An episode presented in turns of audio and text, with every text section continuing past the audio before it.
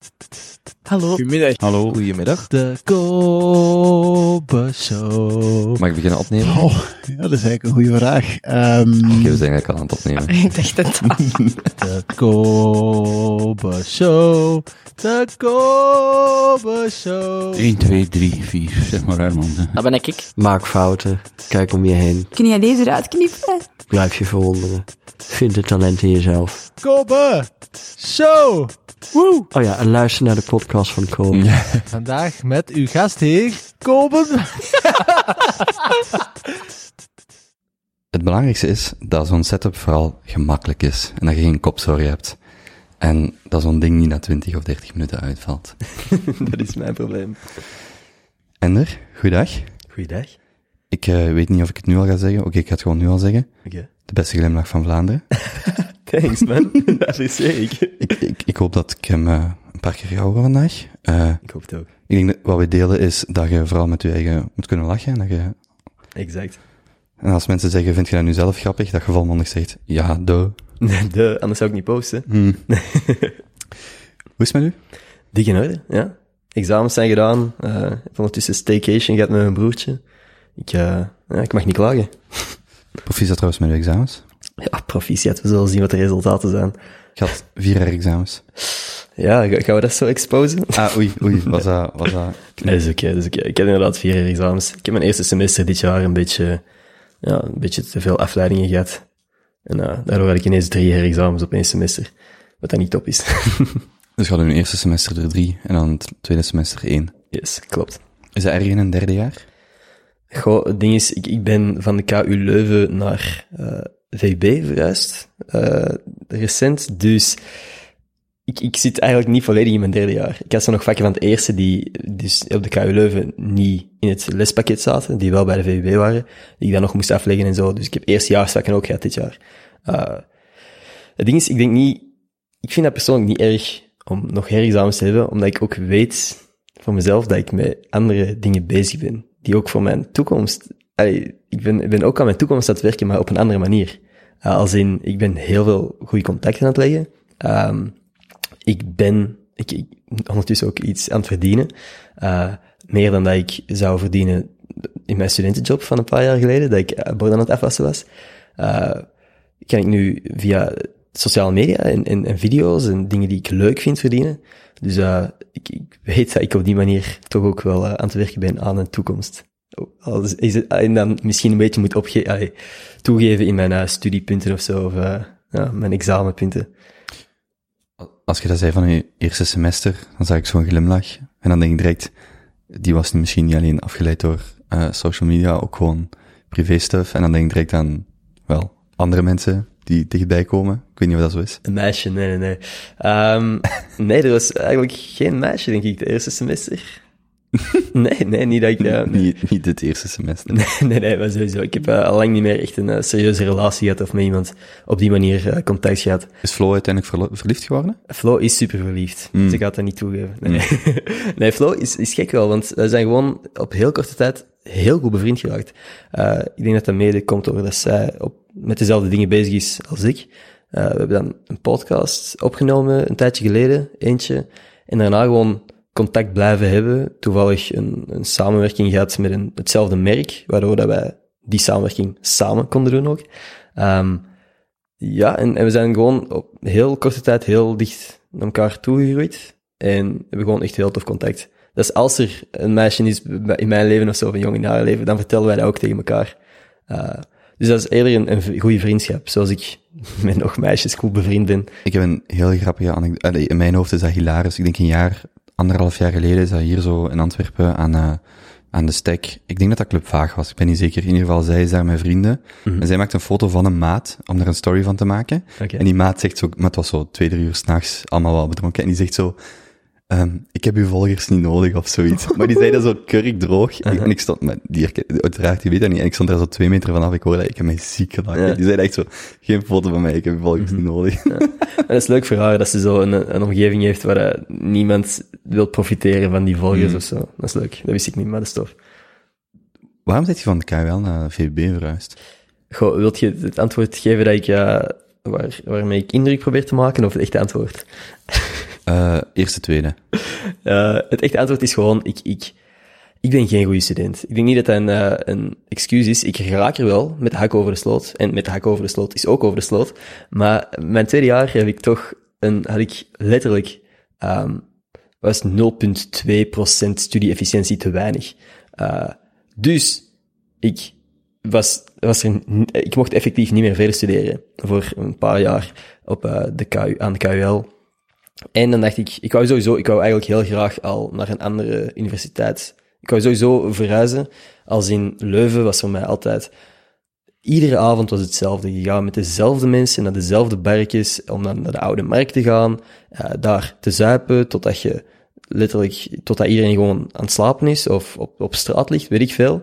Eh, en ik vond dat gewoon al heel lang niet meer interessant. Ik vond dat letterlijk, de eerste twee maanden van het eerste was dat cool, want wauw, dat kon gewoon niet tot, eh, tot dan.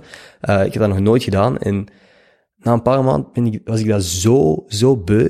Ehm, maar dat bleef maar gaan. En elke keer als ik dingen voorstelde om in de dag iets te doen, hadden mensen een kater of les. Ehm, en, en ik weet niet, ik, ik was die routine zo wat beu. Dus ik wou naar een andere stad. En Brussel was altijd zo wel wat aantrekkelijk voor mij, omdat ik wist dat daar ook dingen te doen waren. Als in heel veel mensen die in de media werken, wonen daar. Of, of vaak als ik een podcast opnam, zeiden die van, ah ja, ik, ik moet van Brussel komen. Kunnen we anders hier opnemen? En dat dat voor mij moeilijk was.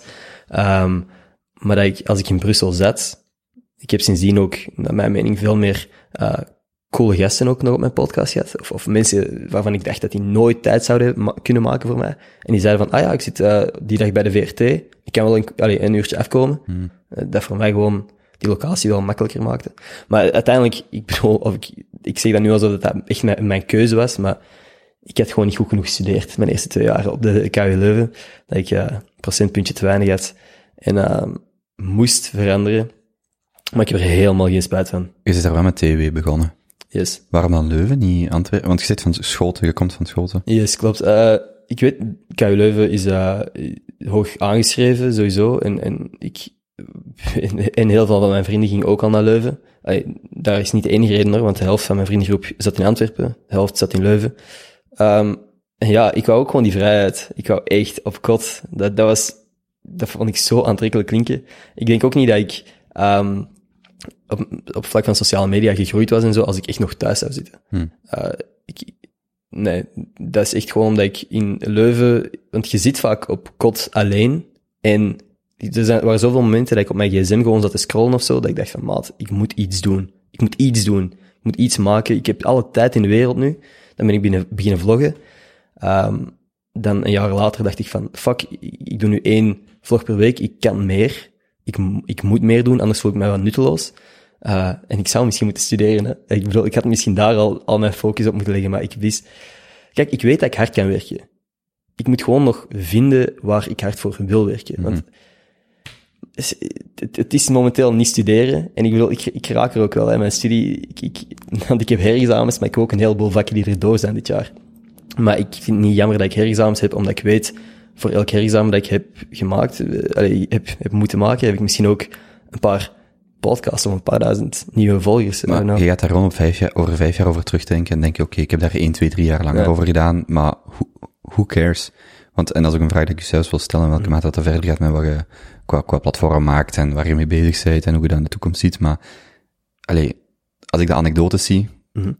28, dus zo vijf jaar na dat veel mensen ermee bezig zijn, als ik dan mensen hoor praten, zeg ik echt, uw diploma is enkel maar belangrijk als dat allerbelangrijkste, als dat je ticket is om ergens binnen te raken, als een MBA's of whatever, wat je echt nodig hebt om ergens binnen te raken. Maar als je daarnaast al met, met andere dingen bezig bent, goed, maak dat af. Wie weet wat je daar later mee wilt doen. Maar dat is een functie van andere dingen waar je mee bezig bent. Mm -hmm. En een verhuis naar Brussel of bezig zijn met andere dingen, dat gaat u, als je naar heel je leven kijkt, is dat echt, als ik u over vertel, is dat de juiste keuze. En dat diploma, dat zal wel volgen, maar mm -hmm. Ik denk dat weinig van uw volgers, als je tegen uw volgers zegt, wat heb je liever, wat heb je liefst? Dat ik mijn focus op mijn studie en geen afleveringen meer maak of geen vlogs mm -hmm. of niet meer communiceer. Of dat ik het gewoon probeer te combineren, combineren met ik mijn diploma twee jaar later heb of wat dan ook. Ja, ja, klopt. Misschien maar, dat uw ouders gaan er waarschijnlijk ja, zo klopt, denken. Klopt, dat wou ik zeggen. het, is, uh, het gaat niet zozeer om wat uh, de mensen die mij volgen uh, zouden willen dat ik doe. Het gaat ook vooral om wat dat ik denk dat, dat momenteel voor mijn eigen geluk belangrijk is. Want inderdaad, tuurlijk, universiteit super belangrijk. En zeker als je geneeskunde of zo wilt gaan doen. Ik wil niet dat er iemand uh, mijn hersenen opereert die geen diploma heeft. Tuurlijk, doe dat. Je moet niet zomaar denken van, ah ja, daarvoor moet ik niet studeren. Mijn advocaat, die moet ook weten wat hij ermee bezig is. Maar als ik een, een richting, zoals degene die ik studeer, uh, economie, uh, ik, ik wil later graag dingen opstarten en zo. Maar waarom zou ik daarmee moeten wachten totdat ik mijn diploma heb? Want ik heb nu mijn eigen ik, ik, ik heb nu een, een bepaald verdienmodel opgebouwd. Ik heb mijn eigen merchandise uitgebracht. En ik begin gewoon aldoende leer ik hoe dat business werkt. En hoe dat is om iets op te starten en welke verantwoordelijkheden dat er bij komen kijken. Want het is niet, ik wil niet dat diploma, ik hoef niet zozeer een diplomaatje om binnen te geraken in een, in een bedrijf.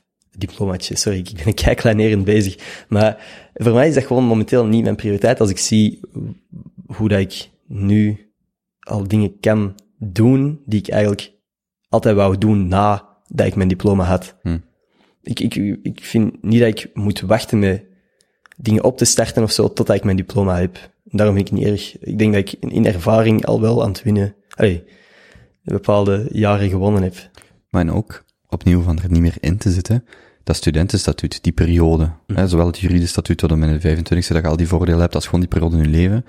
Als ik dan vergelijk, mensen maken, want toen ik op school zat, was er rond student ondernemen, dat was toen zo de jaren dat dat enorm opkwam.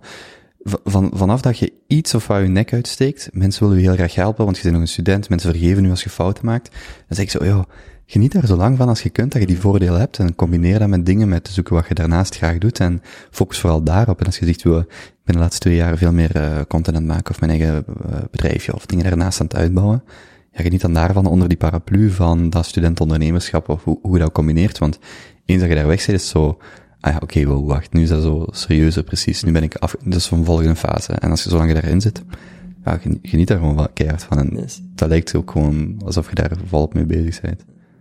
Je hebt een keirusgevende stem. Je hebt een keirusgevende stem. Dat zegt, ik, ik, elke keer heb ik het gevoel dat ik aan het ratelen ben, en dan zegt jij iets, en dan kom ik zo even terug tot rust. Maar ik ben zelf, ik merkte net dat ik precies wat sneller aan het praten ben, omdat ik Mhm. lichtjes nerveus ben. Ah, serieus? Ja, ja, Door toch- mij toch niet? Toch een beetje, toch een Serieus? beetje. Maar zo lichtjes onder de indruk, maar dat is ook, vandaag is dat ook vanuit gewoon enthousiasme. Oké. Van wa- wat jij doet, waar je mee bezig bent, ik vind dat cool. En ik vind dat zo cool om gewoon, ja, om dit, dit dan binnen, binnen het programma wat ik maak, gewoon eens iemand te kunnen laten vertellen van, zeg eens, wie zijt jij in de Ja. kern, waar zit jij mee bezig, wat vind jij belangrijk? En dan, in het begin ben ik altijd zo, wa- wa- wacht, wacht, wacht, want je kent iemand enkel maar via media of sociale media.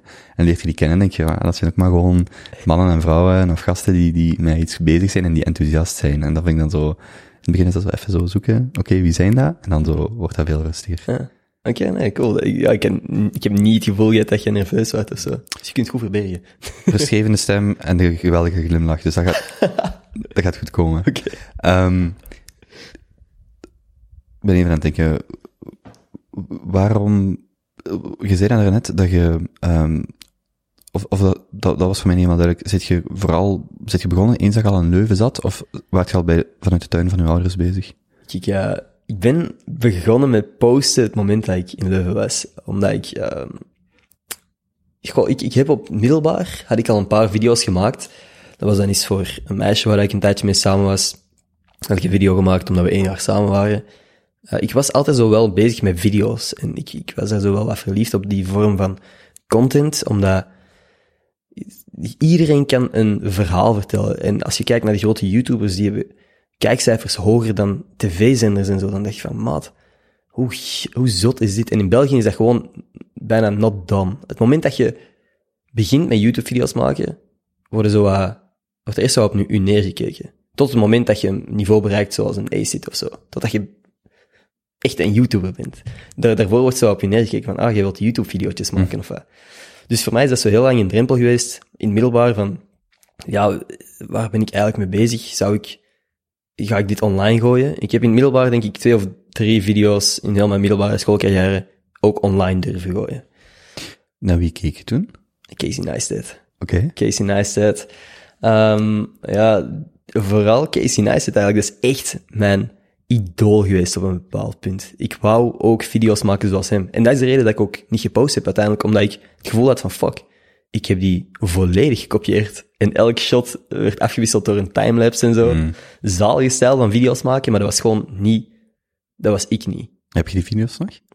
Ehm, ik denk dat ik er één of twee op, eh, op een, op een eh, harddrive heb staan ergens. Ik ga die nooit publiceren. Yo, ik wou net zeggen, je moet die sowieso publiceren. Ik kan er wel eens zo, zo een commentaar op geven of zo. Eh, in een podcast. Ja, ik, dat is zalig omdat je dan ook gewoon je traject ziet, maar ik kan me voorstellen als je nu naar kijkt dat je denkt van, dat was echt gewoon puur copy-paste. ja, ja. dat- ja, Het zou, maar. het zou niet zo cringy zijn voor mij of zo, maar het is inderdaad zo van, dat bent jij niet. Keek je dan dagelijks in vlogs? Was dat echt iets waar je voor op stond of zo van, wow. Ik stond er niet voor op, maar ik was altijd wel aan het, aan het wachten op die melding van, hey, Casey Neistat heeft een nieuwe vlog geüpload. En weet wat kut is? Ik heb die ontdekt twee of drie maanden voordat hem gestopt is. Dus ik had twee of drie maanden dat ik echt volledig zo in zijn video's zat en heel zijn leven aan het volgen was. En ineens zegt hij van, I'm ending the vlog. En ik dacht van, wat? Wow, wow, wow, nee, nee, nee, dit, dit kan niet. Niet nu, want ik ben nu net aan het volgen. Ehm, en ik denk dat dat ook het moment is geweest, ik weet niet wanneer dat, dat juist was, maar dat ik dacht van, oké, nu moet ik video's maken. Ik, ik wil nu, dit is een teken dat ik nu video's moet beginnen maken. En toen heb ik dat niet gedaan, ze, maar toen, ah ja, toen ben ik dat beginnen maken, heb ik ze gewoon niet gepost. Nou, ja, dat is wel jij je tijd om aan terug te denken. Ja, Casey Neistat. Heb je die ooit ergens live gezien? Of ontmoet? Ja. Weet je het? Of, eh, Nee, ik weet het nee. niet. Ik weet het niet. Ik heb eh, Casey Maar ik Neistat. zie aan u, ja, ik zie aan u, ik zie al de helft van het, van het antwoord, dus ik laat het u graag vertellen. Ja, ik heb hem... eh goh, dat was... Ja, het verhaal is wel super vet eigenlijk. Ik had in de klas, in middelbaar, had ik één gast die ook wist wie Casey Neistat was. En één gast die ook fan was. En wij praten... Dat was niet per se iemand in mijn hechte vriendengroep of zo, maar elke keer als we elkaar zagen, was dat iets waar wij over konden praten. En op een bepaald punt zat ik eigenlijk al in het, in het UNIF en kreeg ik ineens een bericht van hem. Hey, Casey Neistat komt naar België. En ik zo, wat? Waar? Fuel eh 2018, denk ik, was dat. Is een, een conferentie voor heel veel ja, sprekers over technologie en zo. Ehm, en hij was daar over video, video creation, duidelijk. Kwam hij een, een talk doen. En ik dacht van, ja, oké, kijk cool, maar is kei exclusief, exclusief dat event, wij komen daar nooit binnen. En hij zei, mijn tante of mijn oom werkt achter de schermen en kan ons twee tickets regelen. Holy shit, holy fucking shit. Ik ging Casey Neistat live zien. Van op, op een podium, hè. Dus hij, hij stond daar, wij allebei zoals fanboys zo dicht mogelijk bij het podium proberen kru- kruipen. Ehm, en ja, wij, wij, wij kwamen daar... Allee, het moment dat hij naar buiten ging, besefte ik van...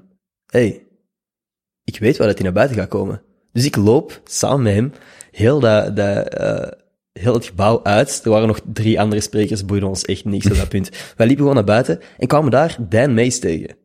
Weet je wie Dan Mays is toevallig? Nee.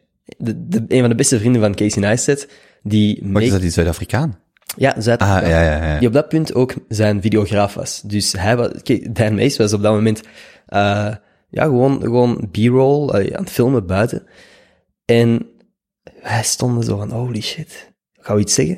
En we gingen er gewoon tegen praten. En, en dat was eigenlijk, ja, die heeft gewoon een heel gesprek met ons gehad, super lang. En op een bepaald punt zegt hij, hey, uh, I can take you to Casey if you like. Maat, nee, nee, dat kun, en wij zo, nee, eh, ja, ja, kan dat? en voordat we het wisten, stonden wij in de backstage lounge. Ehm, en ja, daar was Casey dan net niet, want die had nog een extra Q&A voor, voor eh, mensen die extra betaald hadden. Ik heb die dag eigenlijk niks betaald, besef ik nu ineens. Eh, ja, dan, dan mochten wij bij die Q&A toch achteraf hebben we nog eh, een foto met hem gekregen. Maar dat was, zo, dat was ook heel indrukwekkend. Die gast, die heeft net voor een, een paar duizend man gesproken. Die heeft een extra Q&A gedaan voor een select groepje van mensen die alleen maar echt full focus op hem waren. En dan moest hij al terug naar de luchthaven. Dat was crazy. Ik vond dat zo inspirerend van hoe druk dat die man was. En hoe, hoe bezig dat die gast was. En dat, dat is, again, dat komt allemaal terug op het feit dat ik zo dacht van, dat ik in mijn kot soms zit en dan denk van, fuck, ik moet iets doen. Ik moet meer doen. Ik moet meer doen. Ik moet video's maken of ik moet, ehm ja, weet ik veel. Er is zoveel shit dat je kunt doen anders dan zuipen tijdens je studententijd. Gewoon omdat je student bent en het kan toch en het moet nu. Allee, dit is de beste tijd van ons leven. Ik hoop niet dat dit de beste tijd van mijn leven is omdat ik elke dag kan zuipen. Snap je? Ik hoop dat dit de beste tijd van mijn leven is omdat ik de vrijheid heb om te doen wat ik wil. En Ook al kies ik er niet voor om elke avond te zuipen. Want dat is waar ik ook bang voor aan het worden was. Ik, je hoort altijd iedereen zeggen van, mijn studententijd, beste jaar van mijn leven. En ik was elke avond in hetzelfde café aan het drinken. Dat ik echt van, maat, no fucking way dat dit de beste tijd van mijn leven is, hè. De beste tijd moet nog komen, want anders is dit niet oké. Dan, dan, en daarom ben ik shit beginnen doen. En, en, en hoop ik dat ik nog shit kan blijven, allee, graaf shit kan blijven doen. Nog lang.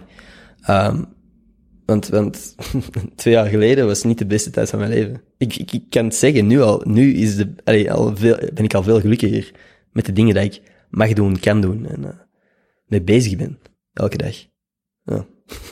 Het idee is ook zo cool dat je zo een gast kunt volgen, waar je onze ouders, die zouden nooit het equivalent kunnen hebben volgen, tenzij via boekjes en magazines, maar nu is dat echt letterlijk, je kunt iemand zijn of haar leven volgen. En dan was er zo'n gast, die dan, Kees ging ook ergens spreken, en die wou daarmee gaan lopen. Die wou gewoon 10 kilometer gaan lopen met Casey op Ja. gegeven moment. En was, begon die ook zo te vloggen, daar filmpjes rond te maken, van, eh, als Casey hier is, dan ga ik zorgen dat ik mee 10, 10 miles of zo, dus 16 kilometer kan lopen.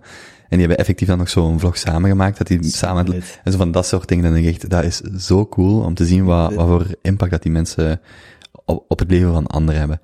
Of die drukte, of dat inderdaad een lange termijn gezonde strategie is, is iets anders, maar het is wel zo van, die gasten zijn, en als ik voorbij begon op te nemen, zeg ik, ik vind dat zo cool dat individuele mensen, of, of, of meerdere mensen, maar telkens vanuit die individuele, vanuit dat initiatief, eh, content maken. Allee, dat klinkt zo vies, maar ik bedoel, gewoon een eigen ding doen, podcast, video, wat dan ook. Dat je echt binnen een bepaalde microwereld super bekend bent. En niet bekend als in, wauw, kijk, ik ben bekend, maar gewoon invloedrijk. En, en mensen weten wie je bent. En, en die volgen u en die zijn echt oprecht geïnteresseerd. En die weten dat jij nog een vak hebt van het eerste jaar. Ja, klopt. En die weet, en, maar over tien jaar komen die naar je toe en zeg je, ik volgde je toen, toen je, over één- toen je nog één vak had. En, je dat- en dan denk je echt van, dat is zo cool. Maar dan hoor je, allee, ik hoor dan zo bijvoorbeeld zo'n Joe Rogan zeggen of zo. En dan denk je echt, dat is zo cool dat je binnen, dat je om, aan, ehm, aan de hand van die sociale media, platformen gelijk YouTube, je kunt gewoon zo niche en zo persoonlijk communiceren. En met, met zo'n Casey ook, hè, dat is echt, ik zie daar nu een filmpje van voorbij komen en denk ik, hoe zou het zijn met, wacht, hoe heet zijn vrouw weer? Ehm, Candice? ja, met Candice en dat dochtertje. En hoe zou het zijn in LA? En ik heb nu al maanden niet meer gekeken of zo. Maar dat is gewoon, ja, dat zijn mensen waarmee je zo'n intieme band hebt. Gewoon wat die intiemheid uit hun leven hebben gedeeld. En dat is een veel intiemere band dan dat je met een tv-presentator of zo zou kunnen hebben. En dat, ik vind dat ook super vet. En ik probeer ook zoveel mogelijk echt interactie te hebben met mijn, de mensen die mij volgen. Want ik bedoel, dat is ook het cool wat dat ik, eh, zo de mogelijkheid dat ik nu zou kunnen tweeten naar, weet ik, David Dobrik, een van mijn, mijn helden momenteel, en dat die zou kunnen antwoorden, dat zou mijn dag maken, dat zou mijn week, mijn jaar maken. Dat komt in mijn jaaroverzicht aan het eind van het jaar. Het feit dat, dat ik weet dat die zo'n impact zou kunnen hebben op mij, en dat als mensen mij een DM sturen of zo, en dat ik daar gewoon op reageer, dat dat misschien in zekere mate ook hun dag zou kunnen maken, dat vind ik een kei cool idee. Dat je gewoon met iedereen in contact kunt staan. Ik ben mo- momenteel enorm aan het fanboy omdat ik iemand gestuurd heb. Engelsman. En die heeft gewoon op, op Instagram, en ik zie gewoon dat hij dat gezien heeft. Maar zie, Alleen dat exact. al. Ik heb dat, wij doen zo met maten elke twee weken zo met drie, vier gasten zo die junto-opnames, waar we gewoon bijkletsen met, twee, met drie, vier gasten. Ik heb dat vorige keer gezegd, ik zo, ja, ik heb J. Paul gestuurd. En, um, uh, en, en, uh, zo op Instagram. En ene kijkt dan zo van, wow, gaat hij op de podcast komen? En ik zo, nee, die heeft dat gezien. En ik was echt, ik zo, en dus ik heb gisteren zo'n story gemaakt, die heeft dat teruggezien. En ik zo, die heeft dat gewoon gezien. Gewoon daal. Maar die mensen zijn bereikbaar. En dat is, dat is zo cool dat je, dat die lijn zo dichtbij is. Dat is maf. Dat is echt het coolste aan so- hele sociale media gebeuren, vind ik. Waarom zit je dan eigenlijk economie gaan studeren? Om dezelfde reden, kijk, ik, ik wil nog steeds... Oké, ehm Of twee vragen. Waarom zit je het gaan studeren en waarom zit je het blijven studeren? omdat ik, ik nog steeds het gevoel heb dat, er, dat ik heel veel... Dat er heel een meerwaarde is aan die studie. En dat ik dingen kan, letterlijk kan bijleren. Er is heel veel waar ik gewoon nog niet genoeg over weet. En zoals investeren en zo. Dat wij ook eh, vakken in zekere mate eh, gaan hebben die daar ja, dingen over leren. Misschien, misschien kan ik ook gewoon YouTube-video's kijken, hè, maar ik wil ook wel, eh, ik denk wel dat er meerwaarde is aan het studeren. En ik heb de kansen, dus wie ben ik om, allee, waarom zou ik het laten liggen? En ik, ik ben, ik kan een studie aan op dat niveau, dus ik, dat is gewoon, het is gewoon logisch om dat verder te doen. Nu, waarom... Kijk, de reden dat ik economie zo graag wil combineren met sociale media is eigenlijk... Kent je Dan Peña? Dan Peña? Dan Peña, sorry. Die ouwe. Ja, oude gast. Ja, ja. Maar een van de rijkste mannen van het moment. Een van de rijkste mannen van het moment. En een eikel, maar die heeft ooit gezegd... De wereld draait misschien niet om geld, maar het is het enige waar mensen rekening mee houden. En dat is zo. Tot, heel, tot voor kort was geld de enige maatstaf van succes. Want wie is er gelukkiger? Of wie is er succes- meer succesvol? Is dat de gast die het meeste geld heeft? Of is dat de gelukkigste man op aarde? En je kunt zeggen van, ah, dat is de gelukkigste man op aarde. Maar meet het maar eens, hè. Ben ik gelukkiger of jij? Zullen we nu beslissen? Wie is er gelukkiger? Dat is gewoon zo moeilijk te meten. Maar als je iemand ziet rijden in een Ferrari naast een Ford Focus, dan denk je toch, in de Ferrari zal meer succesvol zijn. Dus, tot voor kort was dat de enige maatstaf van succes, of de duidelijkste maatstaf van succes. Nu is er een tweede maatstaf bijgekomen. Wie heeft er het meeste volgers? Wie heeft er het meeste likes? Wie is er het meest geliefd, letterlijk? Als jij meer likes hebt, dan ben jij meer geliefd tussen aanhalingstekens. En dat is ook geen deftige maatstaf van succes misschien, maar zo zien mensen dat wel. Dus, en wat dat ik heel snel beseft heb, is dat je de, en, en mensen weten dat wel, maar dat je die tweede maatstaf van succes, volgers, makkelijk kunt omzetten in die eerste maatstaf van succes. En mijn droom vroeger was altijd van, ik wil later iets opstarten. Ik wil mijn eigen business hebben. Ik wil mijn eigen baas zijn. Maar hoe fucking vaag is die droom? Ik denk, elk, de helft van alle economiestudenten heeft die droom. Maar dat is rete vaag. En ik ben op mezelf commentaar aan het hebben. Hè? Want dat is nog steeds mijn droom. Maar ik weet nog niet welke business ik wil opstarten. Ik weet nog niet wat mijn zaak gaat zijn later. Dus, wat mijn logische redenering was, ik kan beter nu focussen op volgers, want ik weet wel hoe ik daar aan begin, voordat ik begin aan een echte business opstarten. En ik heb wel het gevoel dat ik nu zo- zowel door mijn sociale media als door mijn studie steeds dingen aan het bijleren ben en dichter kom bij ooit misschien mijn eigen zaak op te starten. Maar ik weet dat ik een voorsprong heb door mijn sociale media, want ik weet wel, ik begin steeds meer een idee te krijgen van wat dat ik kan opstarten en wat dat er nu vraag voor is. En zeker ook in het sociale media wereldje. Ehm, dus, ik, ja, ik weet niet wat dat mijn punt ging worden, maar dat is wat ik, eh, de reden dat ik toch nog economie blijf stude- studeren, omdat ik toch het gevoel heb dat, daar, dat ik daar dingen kan bijleren die mij misschien later in mijn bedrijf of, of, of zaak gaan kunnen helpen.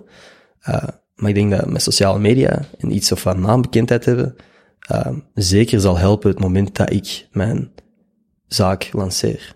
Maar kijk je dan bijvoorbeeld naar een Gary Vee en denk je, dat wil ik doen? Nee. Dat one-man media company. Nee, eh, het ding is, er zijn zoveel media companies, zeker ook in België nu. Ik, ik word elke dag, allee, elke week benaderd door een nieuw influencer marketingbedrijf die uh, mij miljonair gaat maken. Terwijl ik weet dat dat niet het geval is. Uh, ik weet dat er op korte termijn voor die bedrijven ook heel veel geld... En dan gewoon, ben ik al, doei.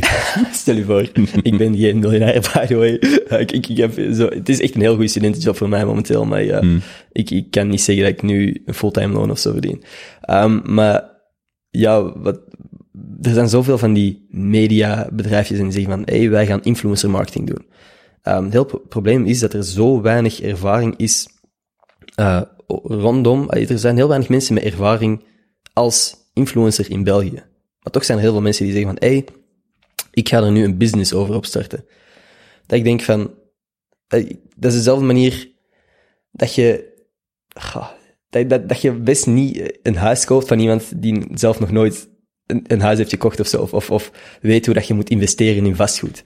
En als je, als, als je gaat van, hey, ik zou graag investeren in vastgoed, ga je volgens mij best naar iemand die er ervaring mee heeft. En als ik uh, iets wil bijleren over sociale media of over zaken doen binnen sociale media, ga ik best naar iemand die ook al een influencer achtergrond heeft of zo. Daarom dat ik heel graag uh, heel veel dingen vraag aan Flo bijvoorbeeld. Omdat die is al veel langer bezig met sociale media en die heeft er veel meer inzicht in en, die weet prijzen dat je kunt vragen en zo, waar ik soms ook nog naar moet zoeken.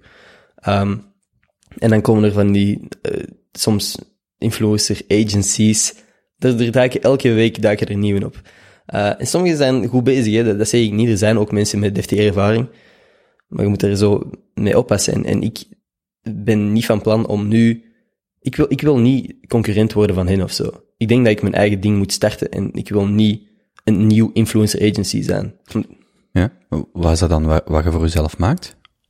Voor mezelf maken. Ja, wat is de job dan die je voor jezelf uitvindt als je zegt, ja, ik, ik kom dichter bij wat ik wil doen of wat ik wil Ja, dat is, dat is, kijk, het ding is, ik wil het heel graag vertellen, maar ik heb, eh, ik heb nu een idee op papier staan en ik ga het beginnen uitwerken. Maar het is, het is nog, het is echt in de beginstadia, dus ik wil nu nog niks uit de doeken doen, want ik wil niet eh, mezelf jinxen of iemand een idee geven om het eh, te stelen. I don't know. Ik weet niet wat, hey. Oké, ligt het in een verlengde van wat je vandaag al doet? Het heeft wel iets over te maken met sociale media.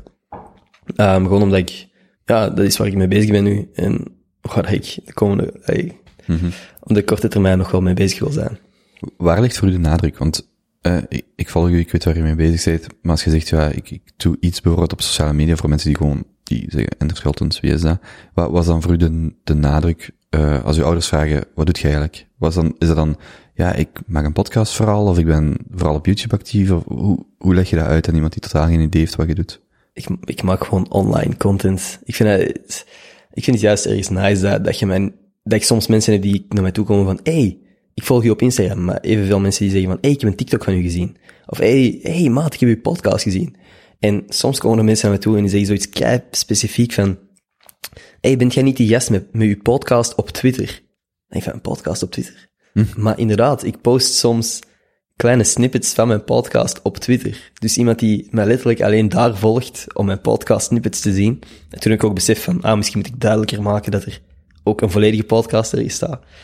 Um, Zit jij die gast die snippets post? Ja, Oh, ja, wacht. maar... Dat, dat is een snippet uit een volledige, ah, oké.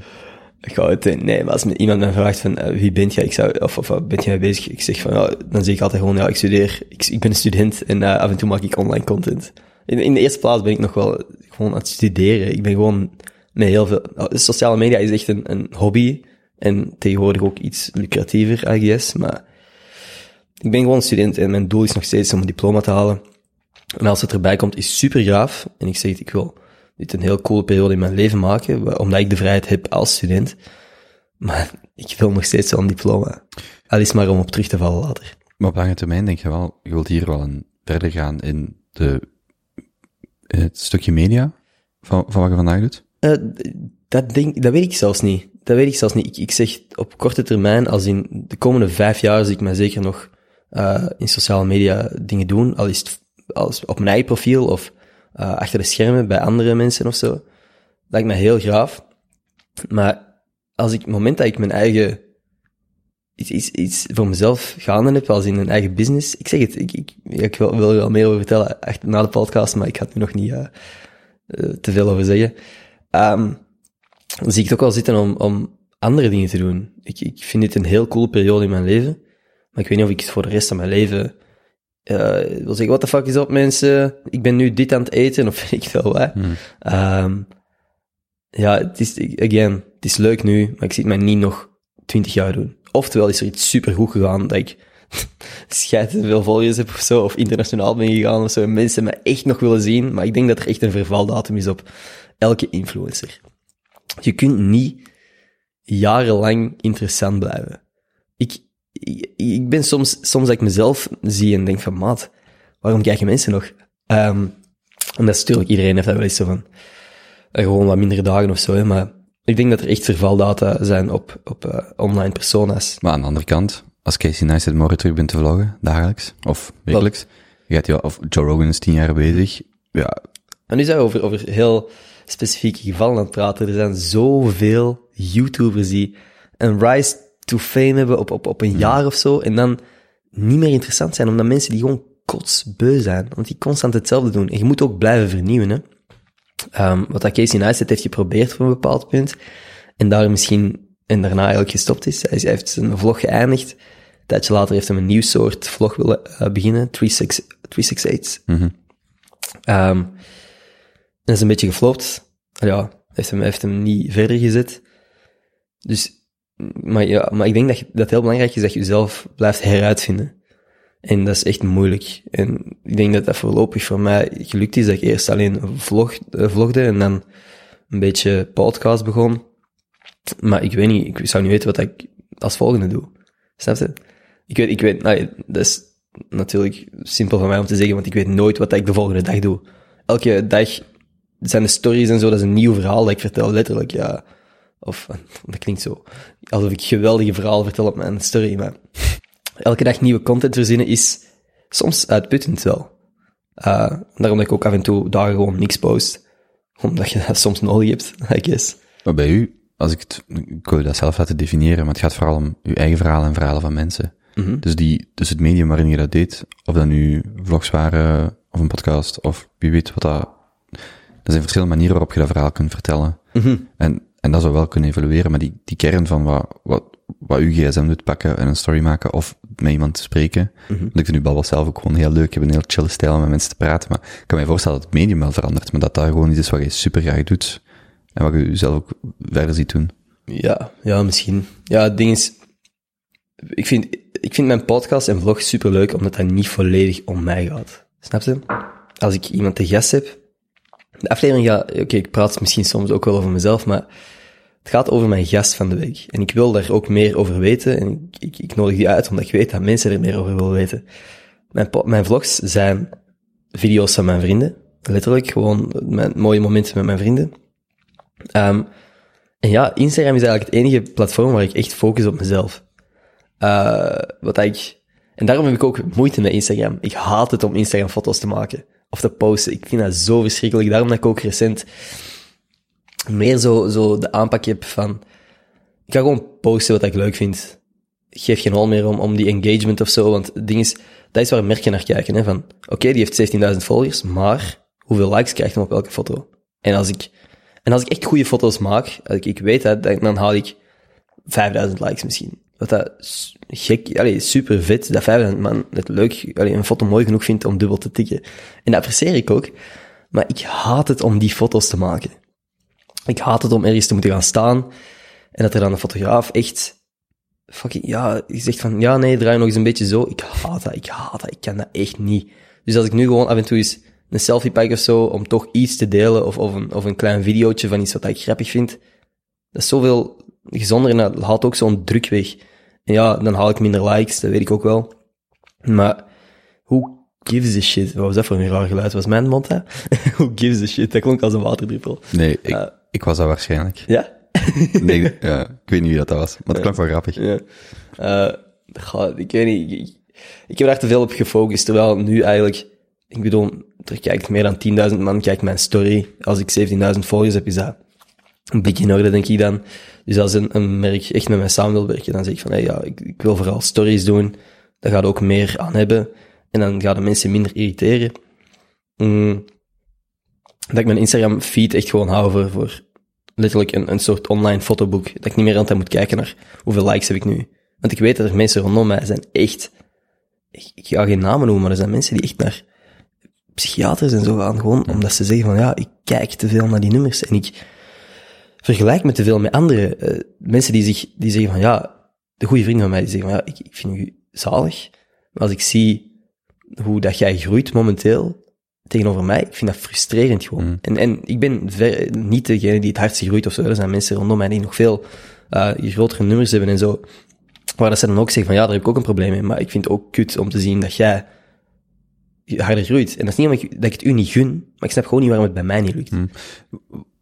Ik denk wat super frustrerend is, je wordt, dat wordt gewoon in je gezicht gesmeten. Of je dat nu wilt of niet. Je kunt niet verbergen hoeveel... Ik zou dat cool vinden, moest ik op Instagram dat gewoon kunnen af... Dat voor mijzelf gewoon niet kunnen zien. Hoeveel mensen... En je kunt sommige notificaties afzetten. Maar ik kan me voorstellen als dat... Als dat voor u belangrijk is in de mate dat daar uw toekomst ook deels van afhangt of je wat er echt iets in doen. En, en het is belangrijk om een bepaalde visibiliteit te hebben of, of een bepaalde status met x aantal volgers of wat dan ook. Ja, je kunt dat niet afzetten. Je, ziet dat, je wordt daar elke dag mee geconfronteerd en dat is zo... Dat is, ik kan me voorstellen dat voor, voor veel mensen een heel grote valkuil is. Ja, het het is iets waar je voor moet oppassen als je denkt van, oké, ik wil nu sociale media gaan doen. Want het ding is, het is niet zozeer van... Het is twee dingen. Het is van, hey, hoe relevant ben ik? Hoe leuk vinden mensen mij nog? Hoe graag willen die mij zien? Maar het is ook, ja, merken, hè. Merken gaan niet naar iemand die 100 likes op zijn foto haalt als die 20.000 volgers heeft, want daar klopt dan iets niet. Ehm, en ja, ik heb ook zelfs mensen die nog betere engagement hebben dan ik, want ik heb goede engagement. Mensen, de mensen die mij volgen en die, die dingen van mij liken of dingen van mij kijken, dat is een vrij goede ratio, dat is meer dan 50%. Dus ik mag echt niet klagen, maar er zijn dan nog mensen, bijvoorbeeld een Gerben Tuurlings, ken je die? Van naam, ja. TikToker die heel snel heel hard gegroeid is, die tegen mij zei van, jij haalt maar 5000 likes op een foto. Is dat, hoe komt dat? Je hebt toch veel meer volgers? Dat, dat, komt ook zo in, in, op een bepaald moment is dat zo, omdat je al lange tijd aan, aan, bezig bent, dat er heel veel volgers inactief worden. Dus als je een heel, heel recent gegroeid bent, is je engagement veel hoger. Want alle mensen die u volgen, zijn u nog maar net beginnen volgen en willen meer van u zien en, en vinden alles leuk wat dat jij doet. Ik ben gewoon ondertussen bijna drie jaar bezig. En heel veel van de mensen zullen mij gewoon beu gezien zijn, maar gewoon nog niet op ontvolgen geduwd hebben. Dus die zien nog een foto van mij en die, "Goh, oké, boeien, scroll verder. En dat snap ik volledig. Again, elke influencer heeft een vervaldatum. En gewoon zolang dat er meer mensen mij beginnen volgen dan dat mij beu worden, dan is het nog oké. Maar ik maak mezelf geen illusies. Morgen kan het gedaan zijn, hè. Morgen kunnen mensen zeggen van, oké, genoeg. Ik moet het niet meer zien. En dat is oké. Dat, dat, dat- ik ben me er heel bewust van. En ook niet, ik kan me niet vast aan een leven lang influencen of zo. Dat is niet mijn doel, ook niet. Uh, ja. Ik ben zo aan het ratelen, holy shit. Ik heb geen idee waar mijn punt was, uh, waar ik naartoe wou. En ook gewoon, ik, uh, ik wou even mijn punt van daarnet verduidelijken, want ik heb over influencerbedrijven en zo zitten praten, maar dat ik zeg van ja, ik, ik wil niet dingen aannemen van mensen die minder ervaring hebben dan ik. Uh, ik, ik sta altijd open voor, voor input en zo. Maar ik heb gewoon soms al dingen gehoord van mensen van die bureaus die zeggen van ja, nee, zou het niet leuk zijn als je dit doet? Als influencer, of als, maat, ik noem mezelf ineens influencer. Als content creator weet je wat dat je publiek wilt. Want jij bent al zo lang bezig om dat op te bouwen. De mensen die je volgen hebben bepaalde verwachtingen. En jij weet hoe dat je aan die verwachtingen moet voldoen. Dus als er een, een, bedrijfje afkomt en die zegt van, hey, ik heb nog nooit zelf iets, iets gedaan online, maar ik denk dat het zo moet. Dus post het zo, want het merk vindt dat ook goed dat je dat zo doet. Dus um, doe het maar gewoon. Dan zeg je van, ja, nee, dan werk ik eigenlijk liever niet samen. En dan, ja, oké, okay, dan doe je geen samenwerking met dat bedrijf. Dus dat is gewoon, dat is wat ik eigenlijk daarmee op, uh, op wou Hm. doelen. En ook, mensen vragen mij, waarom doe je geen marketing of zo? Waarom, doe je, waarom volg je zo'n studie niet? Dat ik denk van, als ik, als ik echt kijk naar de toekomst van marketing, in mijn ogen is dat vooral, gaat dat heel veel online zijn. Want hoe vaak heb jij nog een krant opengeslagen en de, de advertenties in de achterkant ge, gezien? Hoe vaak kijk je echt naar tv en kijk je het advertentieblok uit? No fucking way. Je zapt of je spoelt door, want je hebt het toch opgenomen. Of je zit op Netflix, want wie de fuck kijkt er nog echt naar tv? Uh, als het niet de mol of, of uh, de slimste mens is. Um, ik, ik denk gewoon dat de toekomst van uh, adverteren radio is en online. En van online marketing weet ik gewoon al heel veel. En ik denk niet dat de professor vooraan de klas mij gaat vertellen hoe dat online marketing gaat werken. En ik, ik, ik weet dat er een meerwaarde is ook nog in, in, traditionele marketing. Maar ik zou niet een volledige studie daarover willen volgen. Omdat ik denk, omdat ik gewoon in, zekere mate weet hoe dat influencer marketing werkt en online marketing met Facebook advertenties en zo, ben ik, ben ik ondertussen wel, weet ik hoe dat, dat werkt. En daar ga ik geen studie over volgen. Hm. Vertel nog eens dan, dus, je gaat naar de KUL voor uh, e TW. Mm -hmm. hm. Hebben ze dan, de VB hebben ze ook TW, of heb je dan, zit je voor, is dat exact dezelfde opleiding? Dezelfde opleiding, ja. ja dat, maar, dat is, maar inhoudelijk is dat ook hetzelfde. Het is niet dat er grote Ja. verschillen op zitten. Klopt. Dan krijg je sociologie in plaats van psychologie. Uh, maar Hm. voor de rest niet ongelooflijk veel.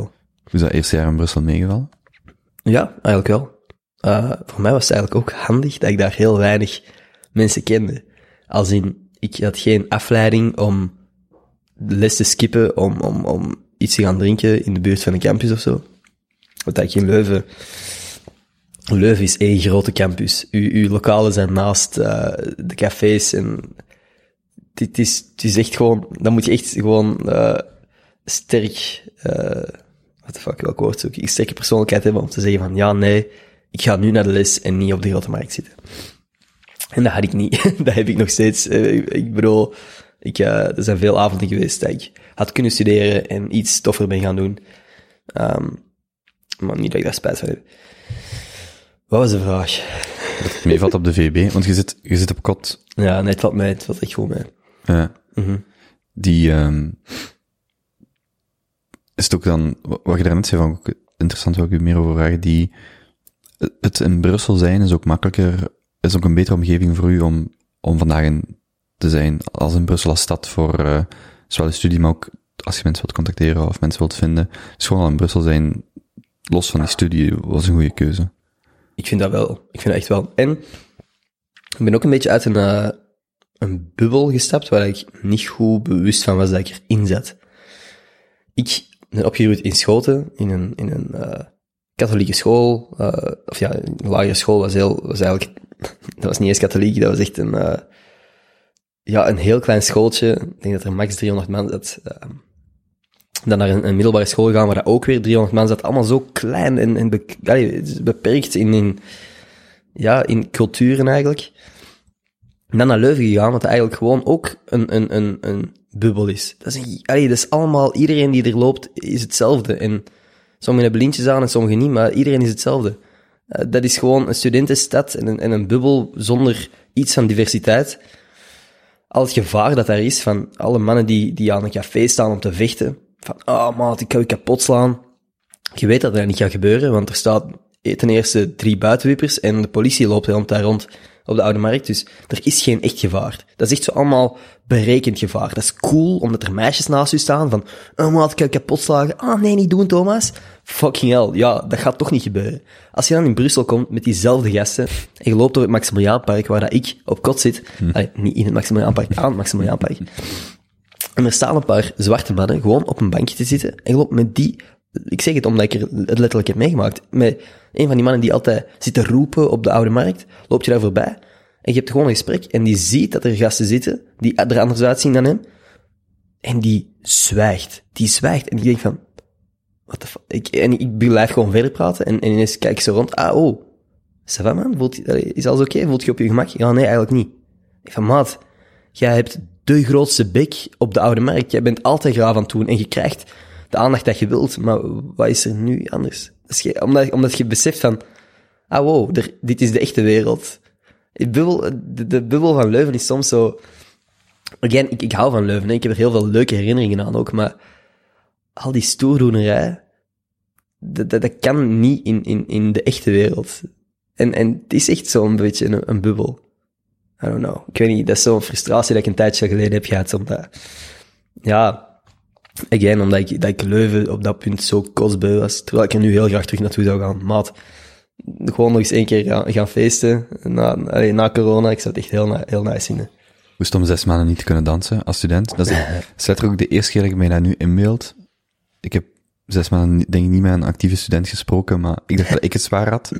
Maar als je wow, daar echt ook dagelijks in zat, als student of toch veel dichterbij, hoe is dat nu om in maand zes, zeven? Nou, we zitten bijna... Amai, sorry. Macht van 13 maart, dus ja, maand zes, als ik het goed heb. Ja, we zitten bijna aan eh, zes maanden, denk ik. Ik, ik, goh, hoe is dat? Is dat ik, ik zou het graag nog eens doen, maar het is niet dat, dat, het, het, dat ik dat het hardste mis. Ik wil gewoon terug bij mijn vrienden elke dag kunnen zitten, zonder nadenken van, oh fuck, is dit oké? Mag dit? Ehm, is dit veilig? En gewoon, ja, weet ik veel, is, langer eh, op straat zijn, of, of eigenlijk concerten of zo, vind ik veel leuker dan, dan gaan, gaan feesten. Ik, ik, ben, ik ga graag feesten, omdat ik dan met mijn vrienden ben. Maar pff, ik zou graag nog eens dansen, maar dat is niet hetgene dat ik het hardste gemist heb of zo. dat, zijn, dat zijn coolere, leukere dingen dat ik kan doen met mijn vrienden, die niet, eh, niet per se dansen zijn. Maar je hebt geen partner. Ik heb, ik heb geen eh, vriendin, nee. Hmm. Hoezo? Ik zou denken dat ik dat dan toch zou missen, omdat ja, Ja, maar niet per se dat dansen, maar dat is zo... wat er nou komt. niet? Ja, wel, niet louter dat dansen, maar zo dat idee gewoon ook zo, wa- waar, waar het bij ons de laatste we- weken veel over gaat, is zo, als je zo, ehm wacht, moet ik dat netjes zeggen? Meestal bespreken we dat gewoon onder venten en dat is allemaal wat platter.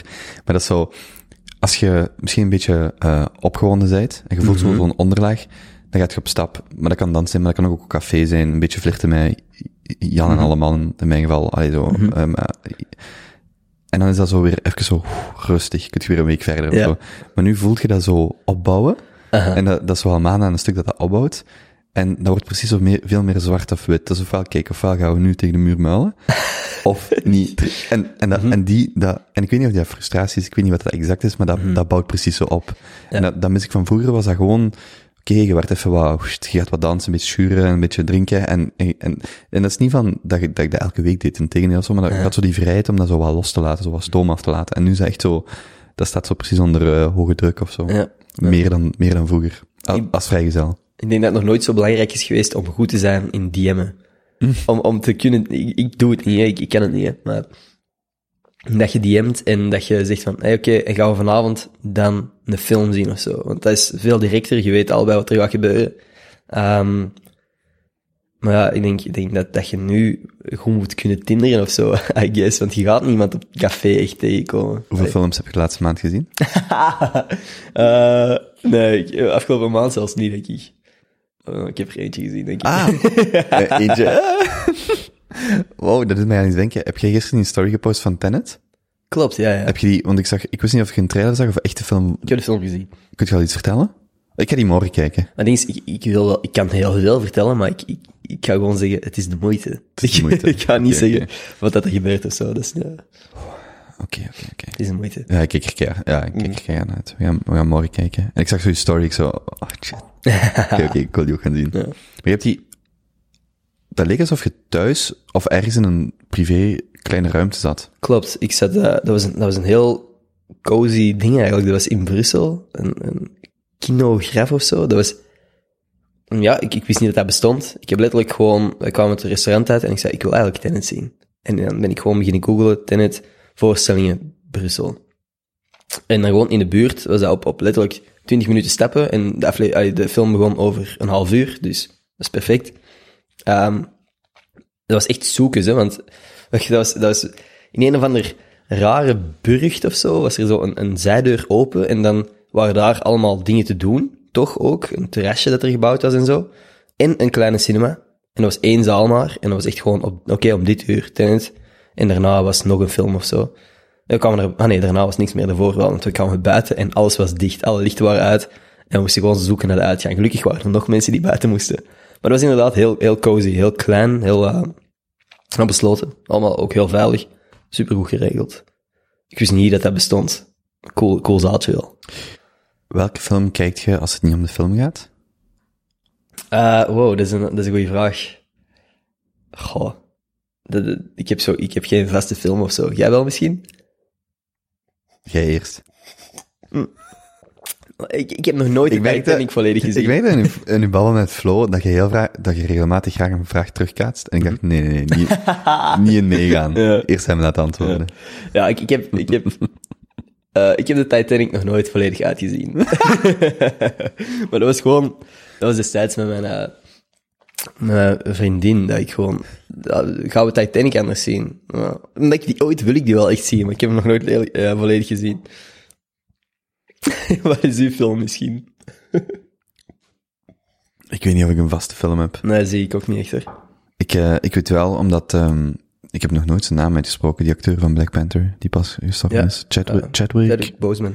Ik, eh, ja, Chadwick Boseman. Ik heb ehm, een half jaar geleden 21 Bridges gezien van hem. Echt dikke aanrader. Maar het is wel een thriller, dus ik weet niet of dat het type Oh. film is waar je kijkt als je niet echt om de film gaat. Ik vond het wel een heel goede film die ik eh, wil herbekijken. Mhm. Eh, ja. Ah, ik vond dat gek. Die gast had blijkbaar ook, eh was al heel lang aan het lijden aan kanker. Dat, Ik- dat was al vier jaar geleden vastgesteld. Ik, ik, ik weet niet of dat, dat publiekelijk bekend was of zo. ik vind dat maf. De, de, het werk dat hij heeft gedaan tijdens dat hij zo aan het afzien was. Tijdens chemo, allee, tussen chemokuren door. Ik vind dat maf. Ik vind daar echt heel veel respect voor. En ja, heel jammer dat hij eh, overleden is. Ik, ik, ik vroeg me een paar dingen af. Hoe hebben ze dat stil kunnen houden? Want Mhm. die komt ook met heel veel mensen professioneel alleen al in contact. Dus dat vond ik super cool voor iedereen die daar... Allee, cool, ik bedoel, chapeau voor iedereen die eraan betrokken was, dat dat niet naar buiten is gekomen. Want ik kan me daar voorstellen dat hij daar heel veel angst rond had. En dan, ja, inderdaad, dat hij die rol heeft gespeeld. Want Black Panther, ik denk dat dat een 18 is uitgekomen. Dus een, ja. een 17, en die, die zag er toch vrij fit uit en zo. Mhm. Maar zie, als je dan zo voorstelt, zo hoeveel eh fysiek leed heeft die gast gehad. Je, je weet natuurlijk niet hoe zwaar zijn behandeling was, op welk moment, maar dat je echt denkt van, fuck jong. En waar dat die, er is zo, als Robin Williams overleden is, Mhm. eh, ik denk zeven of acht jaar geleden, ik weet niet van buiten, dan heeft zijn vrouw een eh, brief gepubliceerd, Eh, Een heel mooie brief. Als je, maar dat is mm, heel emotioneel ook wel. En dat ging dan over zo de, de balans vinden tussen eh wie je bent als persoon, wie je bent voor de buitenwereld, zeker in Robin Williams geval, want die was zo bekend. En, en je leest die brief en je denkt dan van, oh, dat zijn ook maar mensen en die, die dragen zo'n stress of, of druk mee van buitenaf. En dat ik echt denk van, jezus, wat moeten die mensen gevoeld hebben? En, en hij, allee, ik, ik ken hem niet, maar ik kan me echt voorstellen dat je denkt van, wat, zo, gewoon die vraag waarom? Ik ben een van de grootste filmsterren, waarom ik? Die kan, zo daar, Ja. ook dat gevoel, dat, dat lijkt mij, hoe, en niet omdat je de grootste filmster bent, maar dat is eindelijk is alles waar ik al twintig jaar voor werk, is er. Mhm. En nu ga ik sterven Ja. over een paar jaar. Mhm. Er is zo'n boek, eh, When Brad Becomes Air. Ook wel een chirurg, neurochirurg, die dan zelf ineens kanker krijgt en binnen het jaar dood is en dan een brief, een boek schrijft over die, over dat verhaal. En daar gaat het zo heel veel over. En dan denk ik echt van, hoe zwaar moet dat... Ja, ik zou dat dan... Ja, ik zou die gast gewoon willen horen praten daarover. Mhm. Gewoon uren aan een stuk van, wat, wat doet dat met mij? Mhm. Ja. Ja. Dus 21 Bridges, als je Oké, ja. Ja. een film wilt zien. Dus, je wou niet naar Antwerpen gaan om te studeren, omdat dat er dichtbij was. Ja, ook gewoon, eh, eh, voor mij had het dan niet logisch geweest om op kot te gaan of zo. En ik wist dat ik, ik wou gewoon, voor mij was dat een volgende stap in mijn volwassen worden. Even die vrijheid van op kot te zitten. En dat is een luxe, hè. Ik weet dat ik op kot kon en dat mijn ouders dat konden betalen. Ehm, maar ik, ik heb daar gewoon van geprofiteerd, I guess. En ik, ik wou dat gewoon zo graag, omdat ik wist, dat is, dat is een stap dichter bij de vrijheid. Ehm, en ook een voorbereiding op ooit zelfstandig wonen. Want twee jaar geleden, ik was niet klaar om, om zelf ergens te wonen. Terwijl ik me nu al meer en meer ergens zelfstandig zie leven. Ehm, en voor mezelf zien zorgen. Want, maat, wat de, what the fuck is belastingen betalen en zo? Dat leert je niet op school, hè? Holy shit. Op het moment dat ik dat moest beginnen doen en ik besefte van, ah, oké, ja. En ik ga huur moeten beginnen betalen en belastingen en zo dat is iets waar ik nu ook wel meer bij stilsta. eh en, en ook wel klaar voor ben, denk ik. ik. Ik zie mezelf wel alleen wonen. Niet nu, maar, maar over twee, twee jaar, drie jaar misschien. Wilt je in Brussel blijven? Is een goede vraag. Hangt er allemaal vanaf waar ik eh, een job eventueel heb. eh, of waar ik mij zie werken later. Brussel heeft heel veel mogelijkheden. En ook gewoon iedereen is met zijn eigen ding bezig. Niemand geeft een hol om hoe dat je eruit ziet. Eh, of hoe dat je erbij loopt, of wie dat jij bent of zo. Ik vind, ik, ik vind Brussel wel een coole stad op dat vlak. Ehm, ik zou misschien Antwerpen ook nog cool vinden, omdat ik dat gewoon een mooie stad vind. En met dat ik daar ben opgegroeid, ook wel goede herinneringen aan heb. Maar bijvoorbeeld Leuven zie ik mij niet wonen op lange termijn. Gent vind ik ook een coole stad. Maar again, ik, ik zeg het, ik hoor het, ik, ik weet het niet waar ik zou willen wonen later. Wilt je wel binnen Vlaanderen blijven? Of België? Vroeger wou ik altijd van eh, naar New York en shit en, en weet ik veel wat allemaal, maar ik denk dat België echt een mooi land is met veel mogelijkheden eigenlijk ook. Ehm, dus ik zie mij nu nog niet direct... Och, het ding is, ik wil ook wel ergens in mijn twintig, wil ik ehm, in, een, in een Londen of zo werken. Ik zo toch internationale ervaring opdoe. Al, en al is het maar via een stage of een uitwisseling of zo. Lijkt me heel graaf om toch ook iets aan internationale ervaring te hebben. Want België heeft, is mooi, heeft veel ja, kansen. Maar er is ook... Het is ook maar zo klein uiteindelijk. En misschien is het omdat ik nu zo een, een publiek aan het opbouwen ben in het Nederlands, dat ik het moeilijk zou vinden om... Omdat, ik denk nu misschien te veel van, ah, sociale media in het buitenland, maar als ik ooit een andere job heb, zou ik dat wel graag in het, in het, eh, in het buitenland doen. Want sociale media ga ik nu niet beginnen opbouwen. Ik ga niet in het Engels beginnen podcasten of zo. Hoewel ik dat wel een paar keer heb gedaan, maar... Ik weet niet. Ik zou heel graag wel eens in het buitenland wonen. Ehm, maar ja, ik weet niet of dat dan voor een job zal zijn of ja, hoe dat, dat juist gaat zitten. Hangt eraf waar je nog films gaat kijken. Waar die, exact. waar dat die brengen. Je werd dus daar straks dus aan het vertellen, in het middelbare maakt je twee of drie filmpjes, je zet die alle niet online, Mhm. Eh, of twee of drie zet je online, en dan in Leuven begint je te vloggen. Kijk naar Casey Neistat, je begint, allee, daar was je toen mee bezig. Mhm. Hoe gaat dat dan verder? Hoe- wat gebeurt er tussen misschien dat eerste jaar KUL en, en wat je vandaag doet, of waar mensen je vandaag voor tegenkomen? Wauw.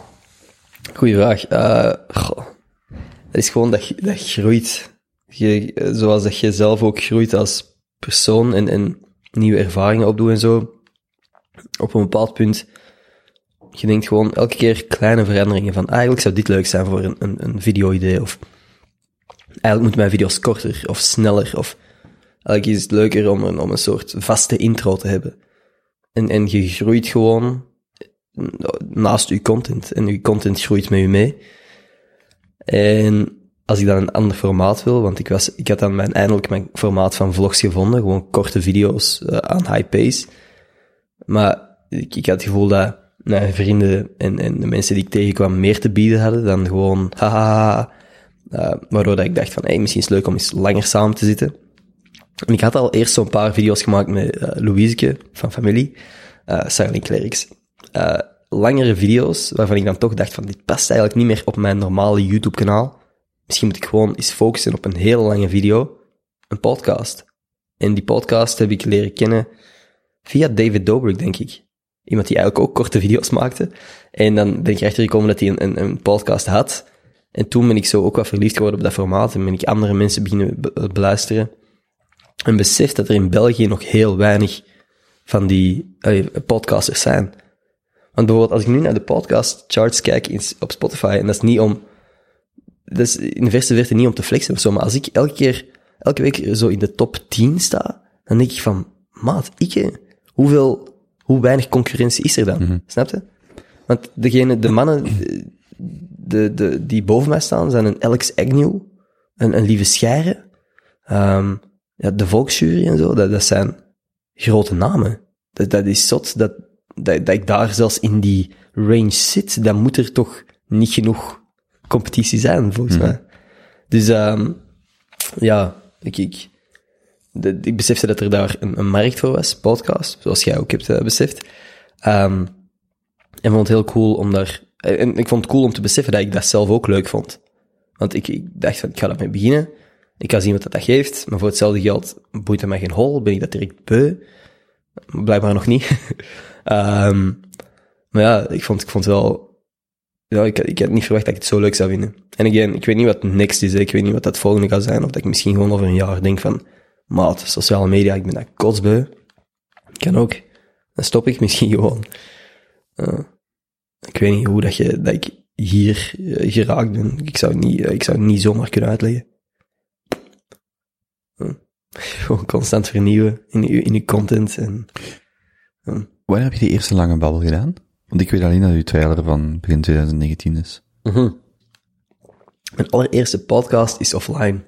Echt? Ja.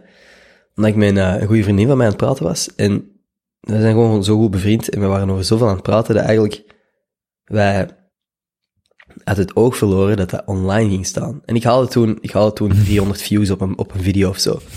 Dus we hadden er niet bij stilgestaan van, ah, oh ja, misschien gaat dit ooit groot worden. En misschien haal ik inderdaad een paar duizend views per video. Um, dus toen hebben we, hebben we dat nog eens herbeluisterd en, en besloten om dat toch maar offline te halen. uh, Waar ging dat dan over? Nou, gewoon persoonlijke dingen, familie en zo. En, en eigenlijk moet dat niet allemaal online. Hmm. Het ging ook vooral over dingen dat zij gedeeld had, dat, dat ik wel mocht weten, maar dat eigenlijk misschien niet heel de wereld moet weten. Uh, dus ja, gewoon gezegd van oké, okay, dan halen we dat offline. Maakt niet uit. Um, want, ja, ik bedoel, ik, maak elke week een nieuwe podcast. Eén minder of meer op mijn kanaal. Kijk, dat is ook altijd mijn regel. Als iemand zich niet comfortabel voelt met iets wat ik zou uitbrengen of zo, dan, haal ik, dan breng ik het gewoon niet uit. Dan, dan pas ik het aan of, of, of laat ik het zo. Hoe leuk dat de content ook soms is. Want ik heb al, ik heb al heel toffe shit gewoon offline gelaten, omdat iemand zei van ja, nee, liever niet dat je dat online post. Dus dan gebeurt dat niet. Dat is allemaal oké. Okay. Dat is op dezelfde manier dat ik niet zou willen dat, dat iemand content van mij verspreidt waar ik niet achter sta. Hmm. Probeer ik ook gewoon andere mensen hetzelfde respect te gunnen. En niet dingen te verspreiden waar zij niet achter staan. Dat is logisch. Alleen in mijn hoofd. of niet? Ik zeg dezelfde, hetzelfde tegen mensen. Ik zeg, als je, het, als je het niet leuk vindt, dan in, in, in het slechtste geval of uh, wat dan ook, publiceren we het niet. Heb je voor jezelf een opname? ja, weet je, ik wil het eigenlijk niet je voor jezelf Uh, just live. Nee, maar ik vind, het, ik vind het super belangrijk als iemand zegt van, uh, ja, ja zo, het is eigenlijk een stiekem live. Nee, maar ik vind het super belangrijk als iemand zegt, ik vind uh, dat stukje eruit of zo, of, Mhm. of een babbel opnieuw doen. Ja, goed. Want als je dan zo, Doe je dat soms, een babbel opnieuw? Want we zijn nu, hoe lang zijn we al aan het, aan het eh, opnemen? een uur. Serieus, als, jij, als ik nu zeg van, eigenlijk, opnieuw, zou je dat dan doen? Uh, Ik ga het niet doen hoor, Dat maar... is twee keer gebeurd. Ah, serieus? Oké, oké. En er is iemand, um, die, wat, wat soms gebeurt, of wat twee keer gebeurd is, is, um, dat, dat een gast onderschat, hoe, moet ik dat, hoe moet ik dat netjes zeggen? Je hebt een type, een type medium, en ik heb het niet over de bekendheid of hoeveel mensen zouden luisteren, maar je hebt een type format waar je rustig, diep kunt praten. Mhm. En de twee mensen die achteraf hebben gezegd nee, of ik wil het opnieuw opnemen, die hebben dat alle twee wel onderschat van, ah wacht, ik kan daar gewoon wat rustig praten. En die waren dan ofwel te traag of niet, niet, niet zelfzeker genoeg, of die wisten niet goed wat het format was. En dan zeiden die van, oké, ik vind, ik vond het eigenlijk wel leuk, maar ik wil niet op die manier dat dat gepubliceerd was. En vaak waren dat, of die twee waren dan mensen die ook naar buitenaf best wel wat, uh, die daarmee inzaten van, hmm, ik weet niet of dat zo goed overkomt. Maar dan is dat zo, hè? Want z- zeker als je zo, ik ben benieuwd of jij ook in de toekomst langere en langere video's gaat maken of, of babbels gaat hebben. Maar op den duur kun je echt wel heel veel persoonlijke dingen delen, dat je, dat je niet meer door hebt dat je dan het delen bent. En soms is dan zo, oké, ik weet niet hoe dat mijn medewerkers of, of, of mensen dat mij volgen, of, of, uh, of klanten, Ja. bedrijven waar ik mee samenwerk, hoe, hoe, dat die daarop gaan reageren. En ik vind het wel heel belangrijk dat je zo, dat je die nuance houdt. Want ik was zo gevraagd om aan een programma deel te nemen. En uh, ik zei zo, ja, maar als ik het dan de opnames niet leuk vind, het televisieprogramma, Ja. als ik dan de opnames niet leuk vind, en voor mij is allemaal nieuw, dus dat was de eerste keer, als ik dat niet leuk vind, maar kan ik dan, eh, heb ik dan iets te zeggen? En die zo, ja, maar we doen ons best om dat zo. Ik zo, ja, maar dus nee. Nee, En dan denk ik, ken het. ja, ja, dan denk ik, ik vind dat heel moeilijk. Ik maak zelf een programma waar iemand vetorecht heeft. En dan zou je zelf deelnemen aan iets waar je dat niet weet. En ergens zit er een sweet spot afhankelijk van wat het programma is. Maar dan denk ik, ja, vind het wel super belangrijk dat iemand zich comfortabel voelt. Zeker in dit type medium. En, en, en, ja, ik vind dat je daar zelf zo integer in moet blijven. Denk Ja, ik. tuurlijk, tuurlijk. Ja. Maar dat is ook, dat is, dat is het coole ook weer aan sociale media. Jij hebt letterlijk de macht over wat dat je post en. Ehm, ja, dat vind ik, dat vind ik ook wel heel cool. En dat je, ja, jij bent, jij bent, jij bent host, jij bent producer, je bent editor, je bent regisseur van alles wat dat je maakte. Eh, dat vind ik wel een coole macht dat je hebt over de content dat je creëert. Want dat is toch, als je daarover nadenkt, dan kun je ofwel vragen, ja, kun je ooit nog voor een baas werken in de klassieke in de klassieke manier. Maar als je, gegeven dat wat je vandaag doet, dat je dat graag doet, dat is toch zalig, dat je op deze manier, en dan spreek ik volle- volledig over u, je zegt zelf, ja oké, ik heb daar een model in gevonden dat ik daar uh, wel verder in kan gaan en dat ook de moeite is om, daar, om daarin te investeren, ja dan ligt daar toch deel van de toekomst. Ja, ja, I guess. Maar ik zie mij gewoon niet de rest van mijn leven voor een camera staan. Hmm. Um, niet, niet, zo, niet alleen omdat ik denk dat ik het beu raak, ook omdat ik denk dat mensen op den duur beu raken.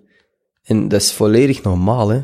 De hoeveelheid content dat ik uitpush iedere week, iedere dag. Ik post iedere dag een tweet, iedere dag een TikTok, iedere dag Instagram stories, um, iedere week een Instagram post, iedere week twee vlogs, één podcast. Maat. Ik snap niet dat mensen mij nu nog niet beu zijn. En ik probeer het entertaining te houden. Ik probeer ook niet te veel de focus op mij te leggen. Maar er komt een punt dat mensen denken van, what the fuck, weer een TikTok, weer een tweet, fuck dit maat. Ik ben het kotsbeu.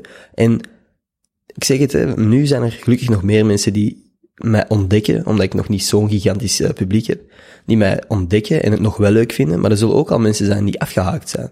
En dat is logisch, dat is volledig logisch. Maar als ik op een bepaald punt kom dat er geen markt meer is voor de dingen dat ik doe, en mensen gewoon stilaan afhaken, afhaken, afhaken, dat punt gaat er, dat gaat er gewoon zijn. Um, en dan moet ik op voorbereid zijn. Ik moet zien dat ik tegen dan een plan B heb. Of, of, dat, ik, of dat dit gewoon niet mijn plan A wordt. Snap je? Dat ik gewoon mm. andere shit heb waar ik mee bezig ben. En dat ik andere plannen en andere doelen heb. En die heb ik, die heb ik. En ik vind, ben mij kapot aan het amuseren met sociale media, again. En ik ben heel dankbaar voor iedereen die mijn content, content consumeert. Um, maar ik denk gewoon dat, dat er een punt komt bij iedereen dat je denkt van, ja, oké, okay, ik heb het wel gezien. Want ik blijf ook gewoon Ender. Ik ga niet, ik, ik kan vernieuwen als in nieuwe formaten en nieuwe soort humor proberen eh, verzinnen, maar ja, ik ga niet als persoon veranderen. Dus je gaat niet, op een bepaald punt gaat het mij misschien, gaat het gezien hebben met mij, gaat misschien alles geconsumeerd hebben van Ender dat je wilt en dan, dan is het genoeg geweest. Dat gaat gewoon bij veel mensen gebeuren. En natuurlijk zullen misschien wel mensen blijven zijn die, die iets of geïnteresseerd zijn in wat ik doe, maar er komt een punt dat ik niet meer voor het grote publiek interessant ben. Denk ik. Hmm. ben ik vrij zeker van eigenlijk. En misschien, ja, misschien nog niet morgen, maar misschien overmorgen.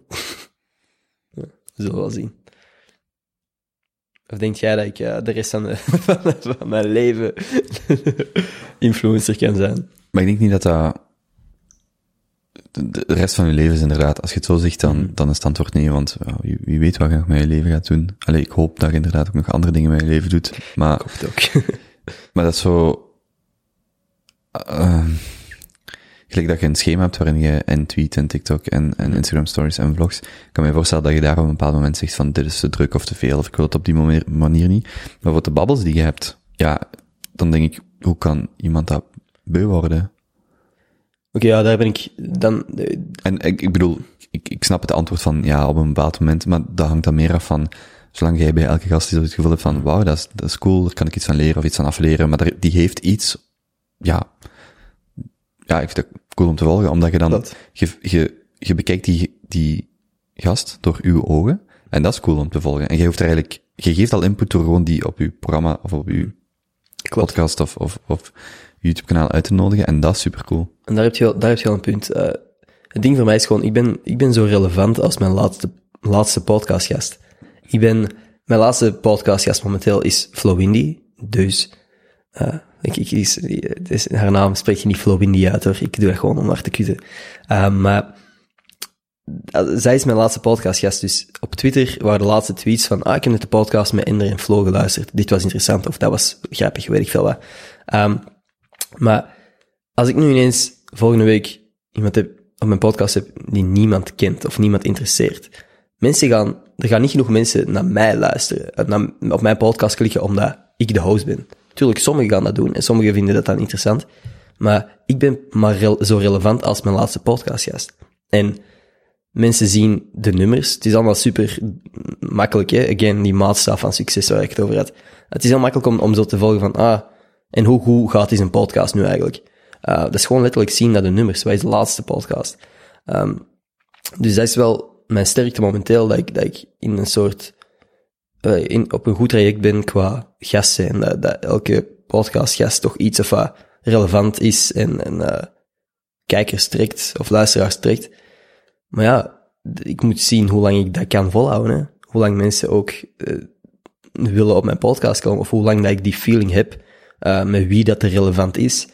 Want ik zie vaak ehm, tv-programma's of, of, of shows online ook van, van, van radiozenders of zo, die mensen uitnodigen waarvan ik denk van, ja, die is cool geweest, maar momenteel is dat zo'n beetje vergane glorie. Hmm. Ehm, en daarom is het ook, ik, ik consumeer ook heel veel content, maar bijvoorbeeld, ik denk dat ik, een van de eerste was die Gerben op mijn podcast had. Ik heb Gerben op mijn podcast gehad toen dat hij 3000 Instagram-volgers had.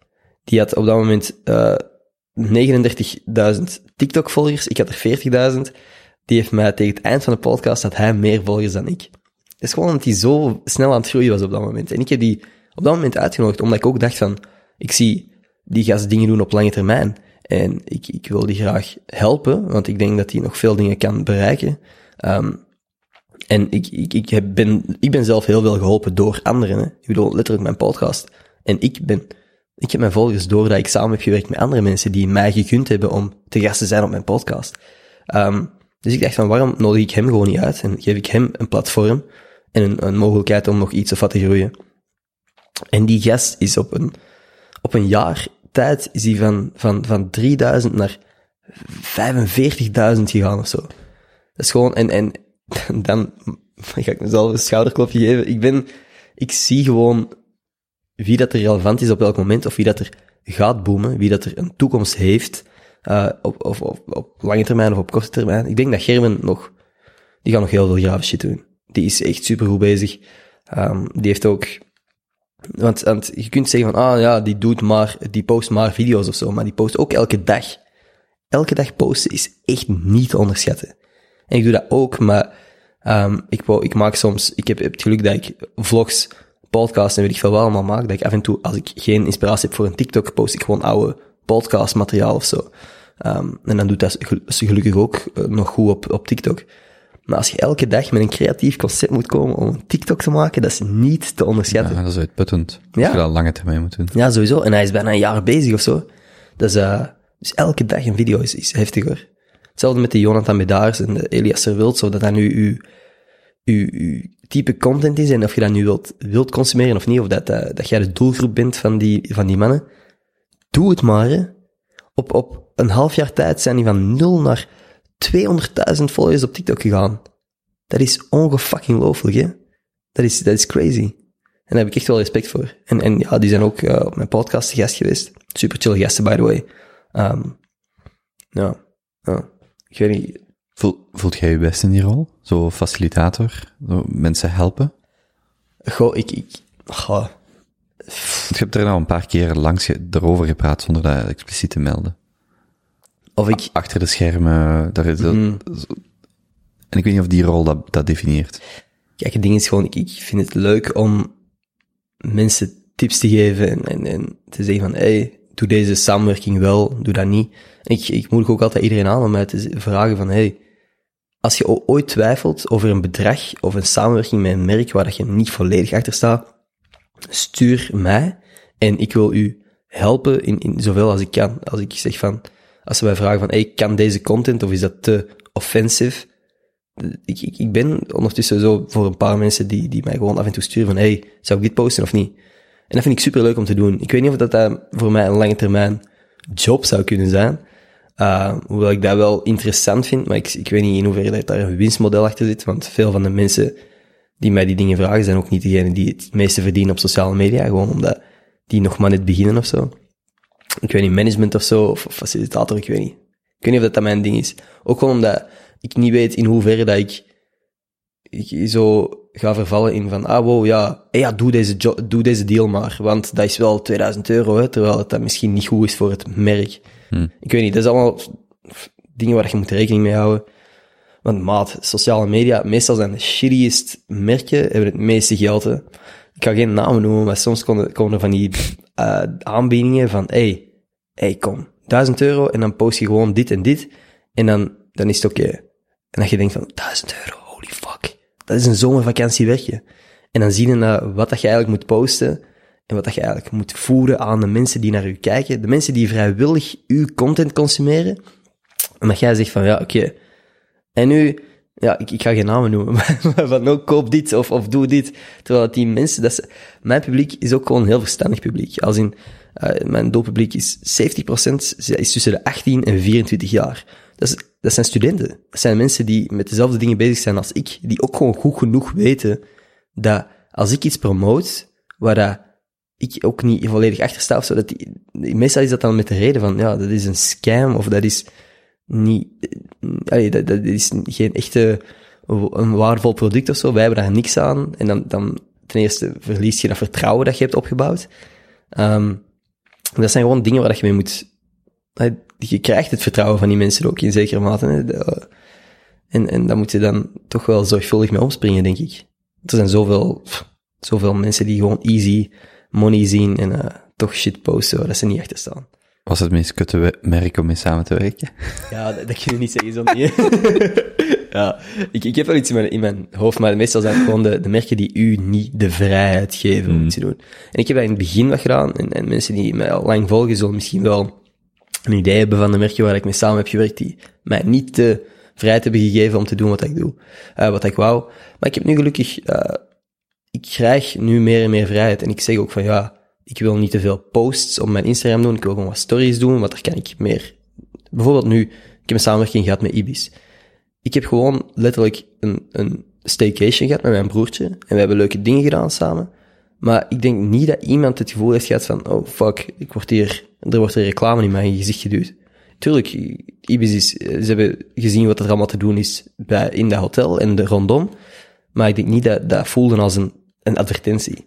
En dat vind ik nice. Dat je gewoon je eigen content kunt maken en kunt laten zien van, ah ja, en deze personen hebben mij geholpen om plezier te hebben of zo. Snap je? Uh, dat is een heel simpele zin, maar ja, dat is het idee. Klinkt grappig in de context van een hotel. Ja. Zo. Filmpje erbij. Ja. ja, nee, het is, eh, dat vind ik cool. Ik krijg ook dat ik, dat ik nu zo wat die mogelijkheden heb om mijn eigen ding te doen. Ja, meer en meer. Is Vlaanderen groot genoeg om, daar, om binnen die context je eigen ding te doen? Dat is een goede vraag. En dat is, dat is, eh, eh, mijn antwoord is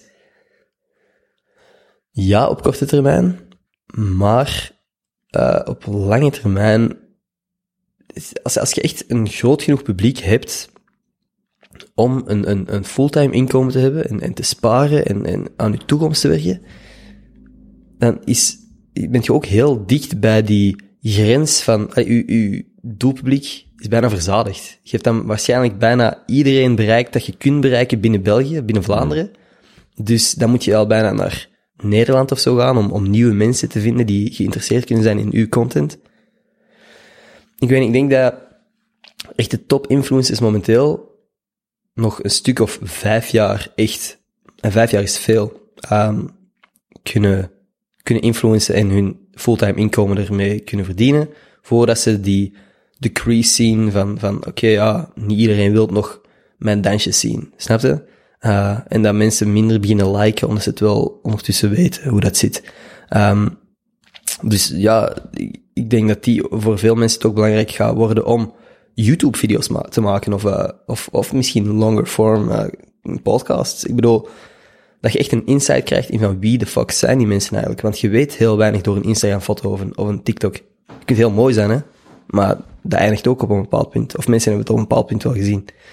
Dus ik denk dat er op korte termijn iets aan te... allee, dat, je, dat Vlaanderen groot genoeg is, maar op een bepaald punt je oftewel gaat moeten overschakelen naar traditionele media, wat veel mensen gaan doen trouwens. Ik zie, de, de, de TikTok-danseresjes van vandaag zijn de tv-presentatrices van morgen. Hè. Dat is gewoon zo. Uh, en daar is helemaal niks mis mee, hè, want ik ken heel veel van... Ik zeg TikTok-danseresjes, maar ik ben bevriend met veel van die, uh, van die van de grotere influencers van België.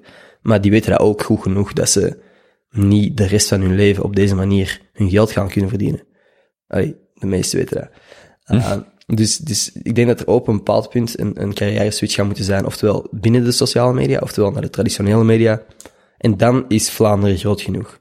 Maar als je echt denkt van, ik ga mijn hele leven influencen, nee. En dat is zelfs in Amerika moeilijk. Of, of, of weet ik veel waar. Dat als je internationaal gaat. Want je kunt niet de rest van je leven elke dag entertaining zijn, denk ik. Ja, misschien wel, maar ik zie, uh, ik zie het mij niet doen. Dus ik, ik weet niet hoe de anderen het zouden doen. But then zijn er mensen die het... bijvoorbeeld een ACID, ik weet niet wanneer dat die begonnen is. 2013 of zo, misschien vroeger. I don't know, die, die is al heel lang gewoon eh, constant aan het groeien. Hè, dus misschien, ik geloof er niet in dat je een fulltime loon de rest van je leven kunt verdienen online uh, door je eigen content te maken. Maar, wie weet. Hmm. Ik vind dat zo... Die, je hebt er twee verschillen hè. Zo stories en dergelijke zijn van voorbijgaande aard en dan moet je gewoon blijven maken, blijven maken. Als je bijvoorbeeld radio, een radioprogramma maakt, dat is elke dag opnieuw Mm naar Brussel een radioprogramma maken of waar dan ook. Terwijl bijvoorbeeld bij een podcast of, of Casey Neistat zijn vlogs, dat blijft gewoon online staan. -hmm. En ik vind dat wel een cool model dat heel veel van wat je online doet, afhankelijk van de manier waarop. Je kunt daarop verder bouwen. En je kunt dat, en, en dat hangt ook weer af van welk type content dat je maakt. Mhm. Maar dat blijft relevant, of dat kan enkel maar relevanter worden. En van die, like als Joe Rogan duizend babbels doet, en het hoeft ook niet enkel over hem te gaan, maar als je er duizend hebt, die gaan niet alle duizend relevant blijven, maar misschien vijftig daarvan. En dat worden dan zo, dat begint dan zo'n eigen leven te leiden. En dat vind ik wel cool aan alles wat online is, wat niet van voorbijgaande aarde is, gelijk stories en dergelijke. Dat dat wel iets is van, wow, dat is zo je, je portfolio of zo. Mhm. Oké, dus dit is over de jaren wordt het alleen maar waardevoller of zo. Ja, ja, dat is inderdaad zo. Ik ben ook heel benieuwd of er ooit zo op uw podcast of mijn podcast afleveringen gaan zijn die we nu al online hebben gegooid, die ineens super relevant gaan worden, omdat bijvoorbeeld iemand een, een internationale filmrol krijgt of zo.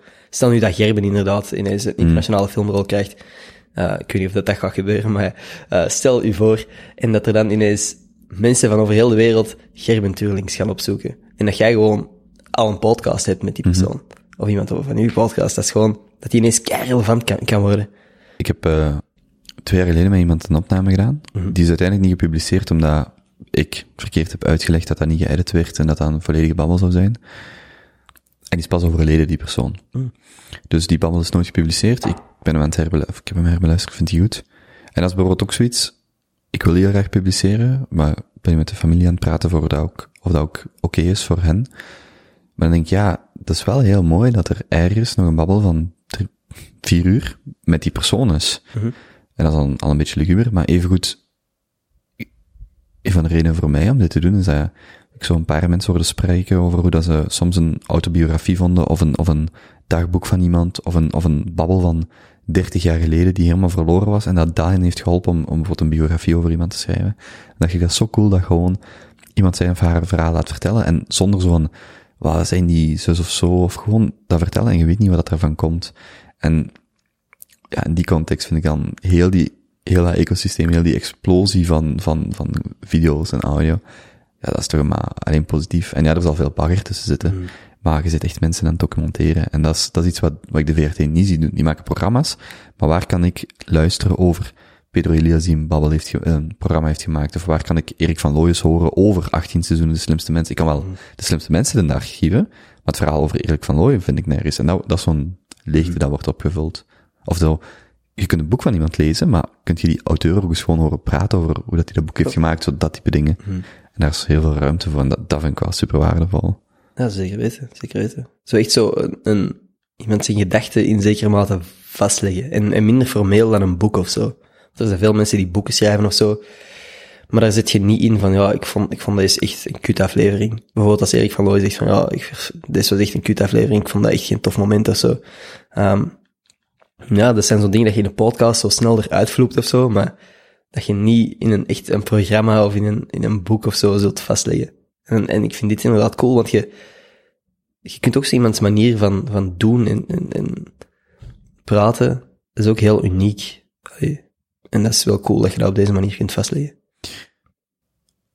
Een van de grappigste dingen vind ik, want ik doe dat zelf ook, ik zie dat soms in, straat, in de straat dat mensen met oortjes zijn aan het, rond, aan het lopen of aan het rondwandelen. En je ziet die zo keihard lachen. Dat vind Ja. ik zo, pff, dan denk ik, jij zit waarschijnlijk hoogstens 9 van de 10 dat jij naar een podcast zijn aan het luisteren en gewoon ergens iemand hebt iets horen vertellen en jij zit gewoon keihard. En dat is zo'n nieuw beeld, wat ik soms zie ik dat. En dan denk ik echt van, ja, jij zit naar iets aan het luisteren wat je grappig vindt. Ook een nieuw beeld is, is de TikTok-dansers, die gewoon hun gsm ergens neerzetten en beginnen dansen. Mm. Dat is ook aan de andere kant iets dat ook nu gigantisch aan het worden is. Hè. Want je hebt podcast, dat is heel rustig, en TikTok is eigenlijk heel fast-paced. En grappige, nou, ik vind het grappig dat dat zo naast elkaar toch aan het groeien is. Waar zit jij nu het meest actief? Ik probeer overal even actief te zijn. Hmm. Ik zeg het, ik, ik post dagelijks Instagram stories, eh, minstens vijf, en, en de sweet spot is tussen vijf en tien. Eh, ik post elke dag een tweet, soms gewoon, soms iets over wat ik, wat ik relevant vind, of soms gewoon zeven, waarvan ik weet, maar Twitter is soms zo van, ah, relatable, haha, retweet, van, als je zegt van, oh my god, ik heb net te veel shampoo gebruikt omdat ik net naar de kapper was. Haha, dat doe ik ook. Retweet. Ehm, soms post ik gewoon shit waarvan ik weet, ah, dat is relatable en daar ga ik een groot publiek mee bereiken om later uiteindelijk dingen te delen waarvan ik, waar ik wel echt volledig achter sta. En het is niet dat ik ooit iets zou tweeten, gewoon omdat ik weet van, ah, dit gaat likes hebben, maar tuurlijk, ik sta overal wel achter, of ik, ik meen alles wel wat ik tweet. Ehm, maar je weet wat dat er werkt op een duur, op Twitter of op, op een TikTok of zo. Dus ik probeer dagelijks te tweeten, dagelijks TikToks. Ehm, dus ik ben constant met alles wel bezig. Ik ben constant wel, en, en als ik nog geen tweet heb voor de dag, dan, dan zet ik me echt even neer van, nou, wat kan ik nog delen? Ehm, en het is niet dat ik daar uren mee bezig ben of zo, maar ik weet gewoon ondertussen dat consistent zijn en, en, en consequent iedere dag posten, dat dat de manier is om te groeien. Ehm, dus daar ben ik nu gewoon op aan het focussen. Want ik wil ook, kijk, ik ben, ik ben, ik ben, ik wil niet zeggen van, dat ik nog niks heb bereikt of zo. Ik heb ondertussen wel een publiek bereikt, maar ik ben lang niet een van de grootste van België, zelfs niet. Ehm, en ik weet wat ik, ik heb dat daarnet ook gezegd, ik weet ondertussen wat ik moet doen om daar te geraken.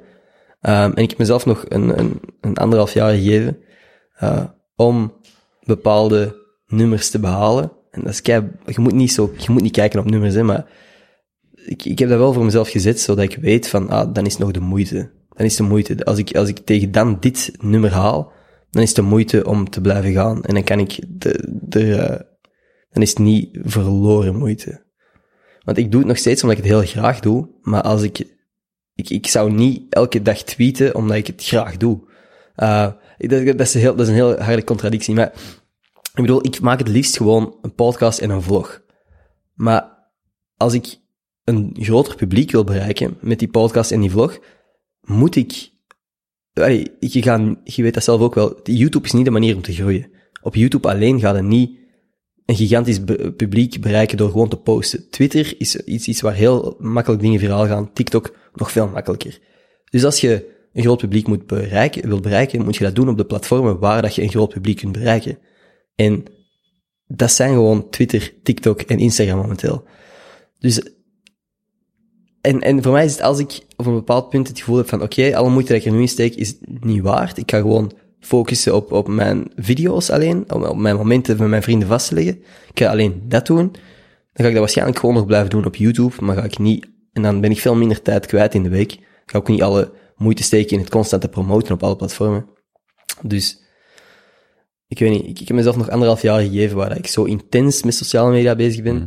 En als ik dan bepaalde nummers niet bereikt, uh, dan ga ik gewoon rustiger aan doen. Dan ga ik nog wel YouTube-video's maken, maar misschien niet meer. Maar de vraag is dan, waarom? Waarom? Waarom wil je die cijfers halen?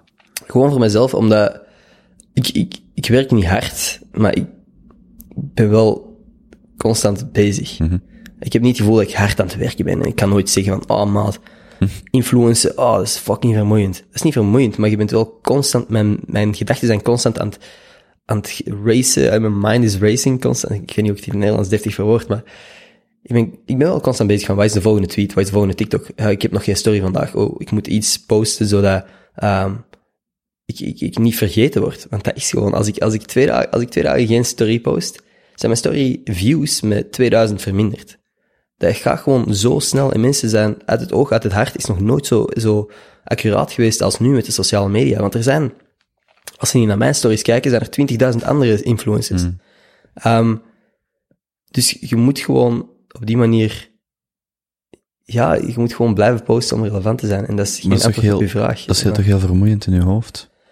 Uh, het ding is gewoon, ik doe het nog steeds heel graag. Dus voor mij is dat niet, voelt dat niet vermoeiend aan. Um, maar ja, pff, ik- soms besef ik wel van, ah ja, dat ik, dat ik de volgende, ik, daarom dat ik ook, ik, ik slaap niet superveel. Als in, ik, ik slaap te weinig. Ik, ik haal niet de, de acht uur. En ik weet dat dat niet, veel studenten doen dat niet. Maar voor mij is dat vaak omdat ik nog aan het editen ben tot vier uur of zo. Maar dan de volgende ochtend om negen uur heb afgesproken voor een podcast of zo. Um, en ik vind dat fucking nice, hè. Maar ja, op die manier ben ik soms, is mijn, is dat wel vermoeiend soms. Dat ik, maar ik vind dat, ik vind dat leuk, hè. Ik vind, en dat is, komt misschien, dat is zo'n raar heldencomplex, denk ik. Van, oh wow, ik, ik wil, ik vind het cool om bezig te zijn met shit tot laat in de nacht. En dan weten dat ik ook nog mijn studie, oké, ik ga het herexamens, maar ik ben het wel ook nog aan het doen naast de dingen dat ik aan het posten ben. En dat is niet, dat is niet oké. Maar ik heb zo'n raar heldencomplex van, wow, dit is wel, dit is wel cool ook. Van, Maar zijn niet de achterkant van die hustle culture? Van Sowieso. bezig zijn. sowieso. Maar, En Casey Neistat heeft mij dat, heeft mij dat aangeleerd. ja, dat is een van de redenen waarom ik Gary Vee ben gestopt met, volgen, allee, met zo'n intense volgen. Want je krijgt zo het gevoel dat je alles wat je doet moet filmen. Zelfs dat ik op een vliegtuig zat en dacht, moet ik hier nu iets rond maken? Dat ik dacht, maar... En... Dat is niet goed of slecht, maar dat kan wel... Nou, voor mij voelde van... Wow, ik kan zelfs niet meer gewoon een koffie drinken zonder dat ik denk en denk aan hoe zou dit er in een story uitzien of hoe zou dit er in een vlog uitzien. En dat, dat vond ik vermoeiend. Ja, kijk maar eens. Zo alles door de lens van een story of wat, of een vlog bekeken wordt. Ik ga even, zou ik nog even naar het toilet mogen, want ik ben heel die kan hier aan het opdrinken. ik moet eigenlijk, ja. Oké, Sowieso, ik knip dit eruit. perfect. Amai.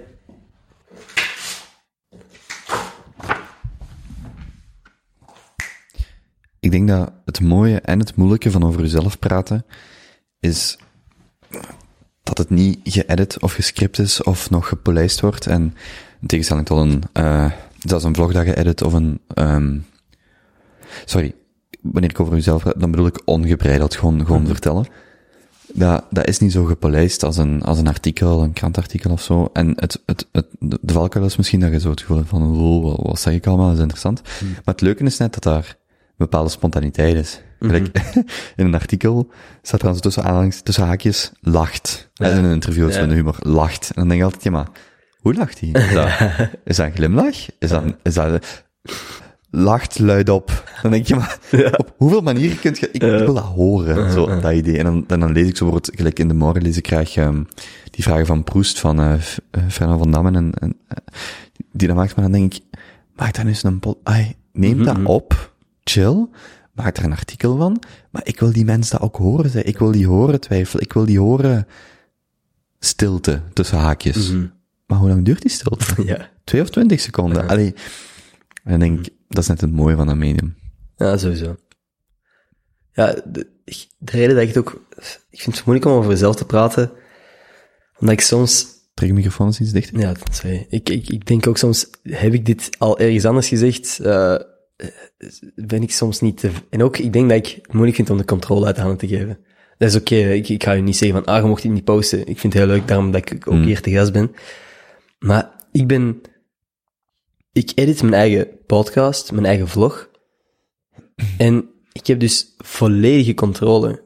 Eh, dus als ik letterlijk, als ik denk van, oei, deze podcast heb ik te veel eh en gezegd, of, of nee, te veel, is eh, het, weet ik veel, um, um, dat is makkelijk. Als ik te veel um heb gezegd, dan knip ik er gewoon twee, drie ums uit, en dan denk ik van, oké, ik ben tevreden. Ehm dus ik, zeg ik het nu net.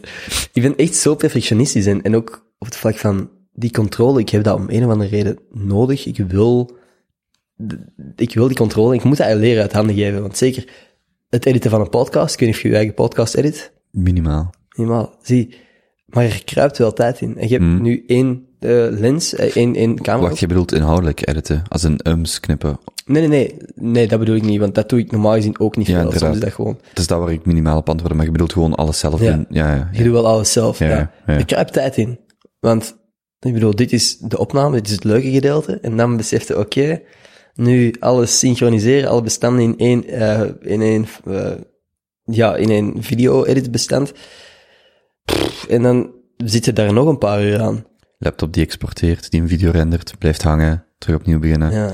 Er zijn zoveel dingen achter de schermen dat zoveel tijd vragen. En als ik gewoon kon zeggen van, als ik, eh, ik kan dat, hè, maar als ik gewoon zou zeggen van, hey, jij mocht het editen. Doe het maar. Eh, dat is voor mij oké. En, en laat me gewoon aan het eind van de week uw eindresultaat zien. En dan zal ik het goedkeuren en dan posten we het. M- Maar dat doe ik niet. Ik wil die, die, die controle. En, Maar dat is wel nog iets lichtjes anders dan wat je net zegt. Mhm. Eh, Het ging over het kunnen loslaten van ehm wat je vertelt of hoe je dat vertelt. Mhm. En wat je nu zegt is zo, ja, de controle over je productie. Want dan denk ik ook, als ik aan iemand moet uitleggen hoe ik dat exact doe, dat kost mij meer moeite en zorgen als ik het gewoon zelf doe. Dus daar, maar dat is een andere, het gaat er meer zo om, ja, ehm is het inhoudelijk interessant of heb ik te veel uns gezegd? En tenminste de podcast of de programma's waar ik naar kijk, daar is er net ruimte voor om, om die dingen, die mensen zijn niet perfect. En ik vind het wel moeilijk om mee om te gaan. En ik spreek louter voor mezelf als iemand zegt, ja, dat was interessant, dat was niet interessant, dat was een goede vraag, dat was het. Maar dan denk je, maar dat is niet mijn punt. Ik heb niet een bepaalde, als je een bepaalde standaard wilt halen, dan moet je denk ik op voorhand al veel meer formateren. Van hier zijn mijn tien vaste vragen, of hier zijn mijn twintig vaste vragen. En dat heeft een plaats, maar dat is altijd op veilig spelen. En dat is altijd een, minstens een 6 op 10.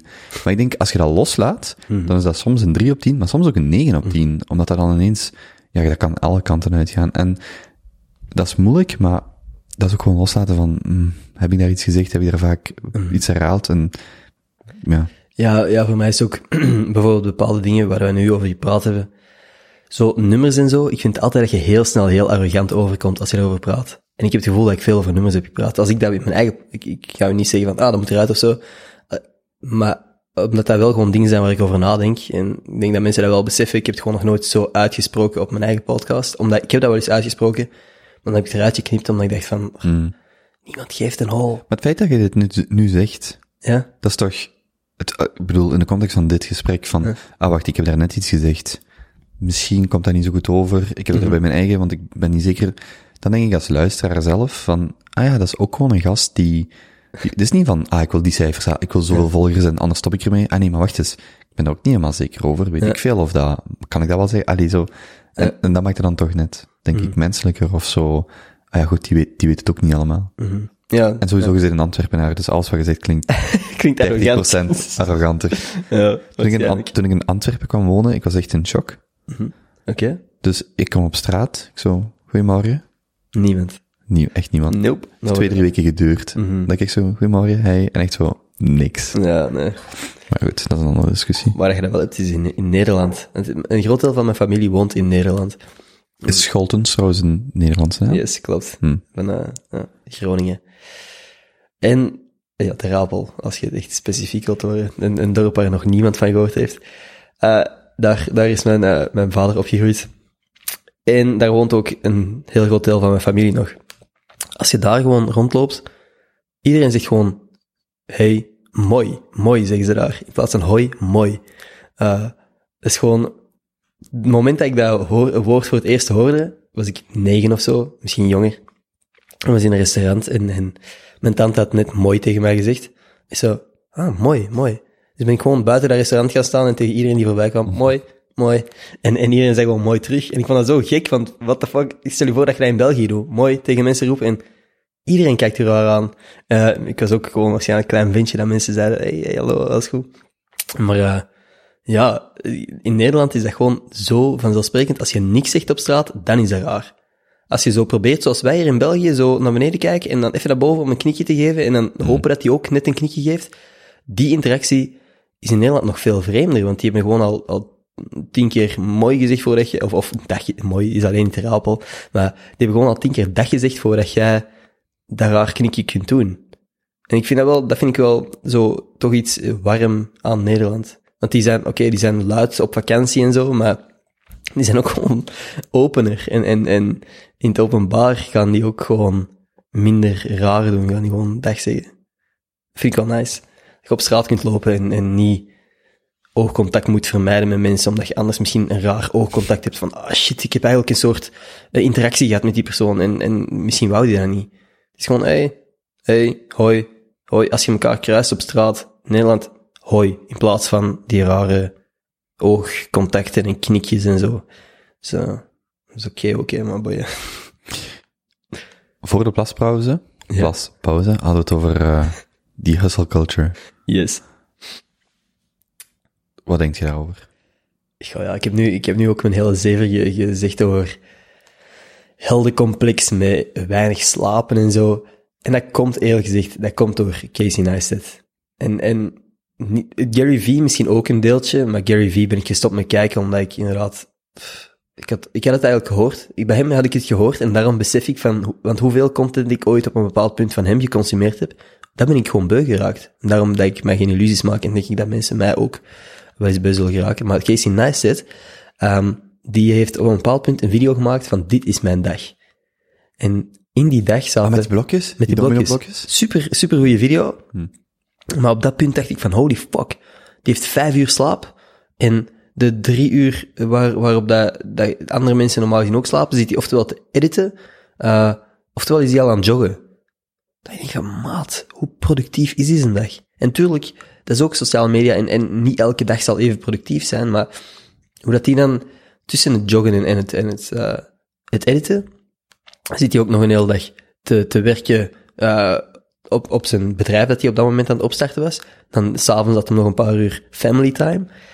Dat ik gewoon dacht van, wow, die dag is zo efficiënt ingedeeld. En ik wil, dat was ook wat ik wou. Ik wil gewoon, ik wil dat mijn agenda vol staat, dat ik weet, oké, overdag kan ik filmen, maar om dat uur heb ik een podcast bijvoorbeeld.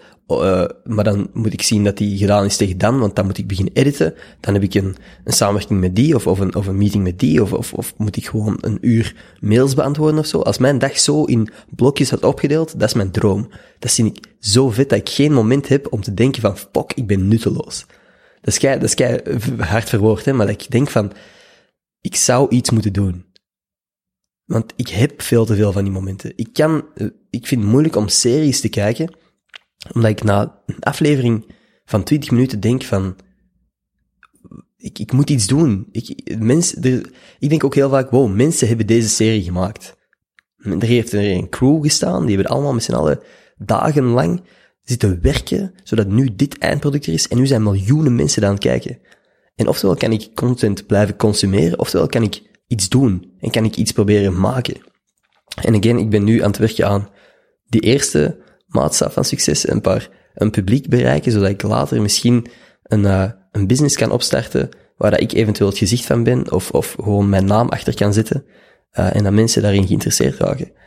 Um, ik heb heel snel het gevoel van, shit, ik kan iets doen. Want er is ook altijd iets dat ik kan doen, als in, al is het maar een, een podcastgast contacteren, of een, of een vlog editen, of een idee op, uitwerken voor voor een TikTok of zo. Dat klinkt allemaal heel simpel, maar dat zijn dingen waarvan ik weet van, ah, ik ga dat doen en ik ga er onmiddellijk resultaten van hebben. Ik ga er direct um, een, een, een, een respons op hebben. Van, oftewel, een, iets dat ik post en daar krijg ik dan feedback letterlijk op van, van, van likes of zo, oftewel, dan reageer ik, stuur ik een mail naar een bedrijf waar ik graag mee samen zou willen werken en dan kan ik eventueel iets verdienen. Er zijn zoveel dingen dat ik kan doen en ik voel me schuldig op de momenten dat ik het niet doe, omdat ik alle kansen heb. Ik heb alle kansen, ik ben in zo'n geprivilegeerde privilegeerde positie, dat ik me slecht voel als ik het niet, als ik niks aan het doen ben. Dat is gek, hè? Dat is ineens heel diep. of diep, of, of, of heel erg een struggle of zo aan het voelen, aan, aan het uiten, die eigenlijk een luxe probleem is, hè? Dat is echt een luxe probleem. En, maar dat is wel zo die, die hustle... Die druk, haalt je de luxe eruit en is het gewoon een probleem.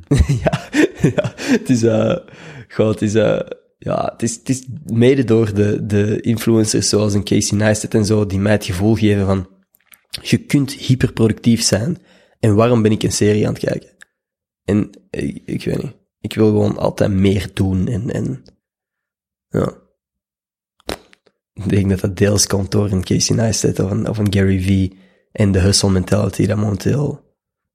En aan de andere kant heb ik ook wel het gevoel, elke keer als ik dan stop met mijn serie te kijken en iets doe, dan geraak ik ook wel verder. Dus het is wel goed, maar het is voor mij soms moeilijk om, om zo die rust te vinden. Daarom dat ik, ik zei laatst in een podcast met Flo dan, die vroeg, ik wil iemand om puntje puntje mee te delen. En ik heb gezegd, mijn dode momenten mee te delen. Ik denk dat als ik een, ooit, als ik een vriendin zou hebben, dat ik dat gewoon heel graag mee tot de rust zou komen. En dat bedoel ik niet dat ik elke avond gewoon thuis wil zitten en niks doen, maar dat ik tot rust kan komen ook uh, op stap of zo. Dat we een tripje doen naar Parijs of zo en dat ik daar even niet aan sociale media of zo moet denken. En niet, dat klinkt alsof ik het gevoel heb dat dat mijn leven domineert of zo, maar dat is niet waar, want ik, ik doe het heel graag. Maar het is ook gewoon, nu gewoon mijn main focus. En, en ik denk dat als ik ooit, als ik een vriendin heb of zo, dat dat een nieuwe main focus kan zijn en dat ik het niet erg zou vinden om even niet te groeien of zo op sociale media of, of constant te posten. Ik weet niet. Dat is een rare, rare uitleg. Dat is niet goed genoeg voor woorden, maar uh, ik weet niet. Dat is iemand om tot, bij tot rust te komen, zou ik nog wel nice vinden. Wat zoekt je nog in een vriendin? Goh, ja, dus een heel lijstje. Zo. Nee, ik weet niet, eigenlijk.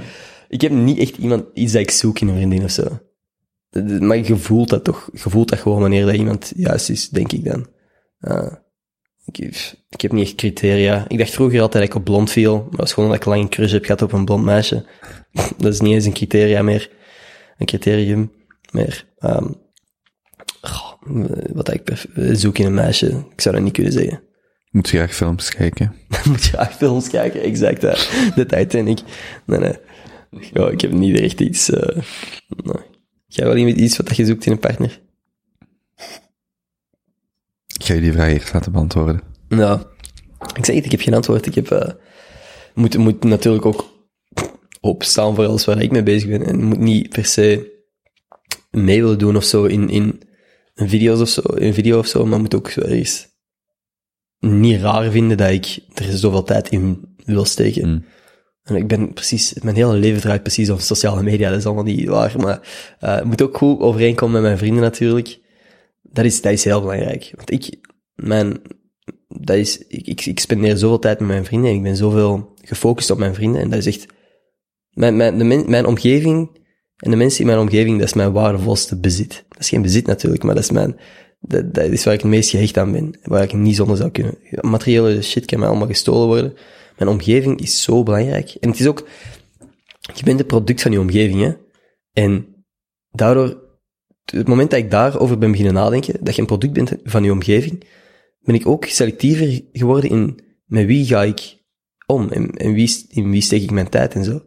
Uh, en, en daardoor heb ik eigenlijk voor mezelf een, een groep mensen gemaakt waar ik, waar ik naar opkijk. Of, of toch, die is, is grappig of zo. Dus ik kan mij, ik ben, dat is bijvoorbeeld, als je met iemand nieuw op begint te trekken, begint hij zo toch die humor zo op te, over te nemen Mm. en zo. En dat heb je met humor, maar dat heb je ook met uh, werkhouding en zo. Uh, en, en ik heb voor mezelf echt mensen rondom mij waarvan ik weet dat die mij beter maken als persoon. Dus mijn vriendin moet mij ook beter kunnen maken als persoon. Uh, dat ik bij haar de beste versie van mezelf kan zijn. Zoals ik ook het gevoel heb dat ik bij mijn vrienden volledig mezelf kan zijn. En de beste versie van mezelf kan zijn. Ik denk dat ik gewoon verder, ik doe heel veel daggeluidje nu ineens. Uh, dat is gewoon als ik uh, geen, geen vervolg meer weet op mijn zin. Nee, ik denk dat je... Doe dat nog eens. Zo dat Spongebob, Spongebob die uh, aan het stappen is. Of nee, Octo die aan het stappen is. Um, ja, Mag jij ook niet die hardstyle kon nadoen? Hardstyle. dat is gewoon op mijn story, heb ik dat eens gezegd, volgens mij. Dat ik gewoon op ns, ns, ns muziek wou dansen. Nou ja, goh, ik weet niet. Een meisje heeft voor mij niet specifieke criteria qua uiterlijk of zo. Of, of het is gewoon, die, moet, ik moet mij er perfect op mijn gemak bij voelen en ik moet mezelf, ik moet, ik moet mij de beste versie van mezelf voelen bij haar. En niet het gevoel hebben dat ik mij constant moet bewijzen of zo, maar dat ik genoeg ben door wie dat ik ben. I don't know. Als u op Instagram stuurt, hoe moet ze u aanspreken? Ik vind dat moeilijk, man, want op Instagram ben ik altijd, ik ben er heel voorzichtig mee. Ik neem aan dat daar gewoon de meeste mensen sturen, of TikTok of YouTube. Klopt, klopt. Is op aan- Instagram, de DM's, sliding DM's is altijd op Instagram. Hè. Um, ik vind het moeilijk. Ik, ik zie mij niet direct daarop reageren als in, we gaan eens samen iets doen. Ik ben, gewoon omdat, dat zijn mensen die, volgens mij denken mensen soms dat ze mij kennen door de, de hoeveelheid content dat ik uit push. En ik wil zo niet iemand teleurstellen of zo. En ik wil ook niet dat ik dan met iemand afspreek of zo en dat die dan ineens naar Twitter gaat en zegt van what the fuck, net op date geweest met Ender Scholtens, fucking eikel of zo. Of, of weet ik veel wel, ik weet niet wat dat ervan uh, teleurstelling allemaal kan zijn, maar ik ben er, ben er vrij, um, vrij terughoudend in, in, in, afspreken met mensen die, die mij al kennen in zekere mate. Vind ik, vind ik moeilijk om mij op mijn gemak bij te voelen. En ook gewoon, ja, voor mij is dat wel zo'n beetje een regel. Ik ga niet direct ingaan op iemand die daarvoor al, al drie keer gereageerd heeft op mijn story van, ah, wow, ik vind, u, ik vind uw vlogs leuk of zo. En ik, oké, dat gebeurt niet zo vaak, maar als ik, ten eerste, als iemand zegt van, hey, ik vind uw vlogs leuk, dan reageer ik. Dan reageer ik gewoon van, hey, wow, dat apprecieer ik heel erg. Um, maar ik vind het moeilijk om daar dan uit, want vaak is het dan van, ah, wow, oké, ik ben binnen in de DM's, wanneer gaan we iets drinken? En dan denk ik van, oh, ik wist, niet, ik, wist ten eerste niet dat dat op die manier was dat je mij stuurde. Ik dacht dat je gewoon oprecht uh, geïnteresseerd was in mijn content. Uh, en ik apprecieer het, hè. dat is een fucking dat is een compliment, hè, dat iemand uh, op die manier met je af wil spreken of zo, of je wilt leren kennen. Maar om een of andere reden ben ik daar, ja, ik ben daar vrij terughoudend in. Ik weet niet waarom hoor.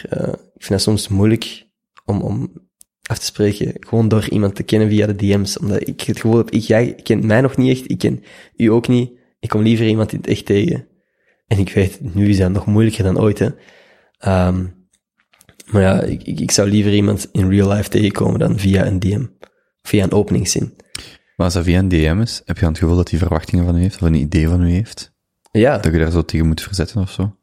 Of nee, naar, niet, naar opleven eigenlijk. Ja, of ja, ja, inderdaad. Ja. Ja. ja, dat denk ik dus. Van, ja, ik, ik wil misschien wel iets gaan doen, maar...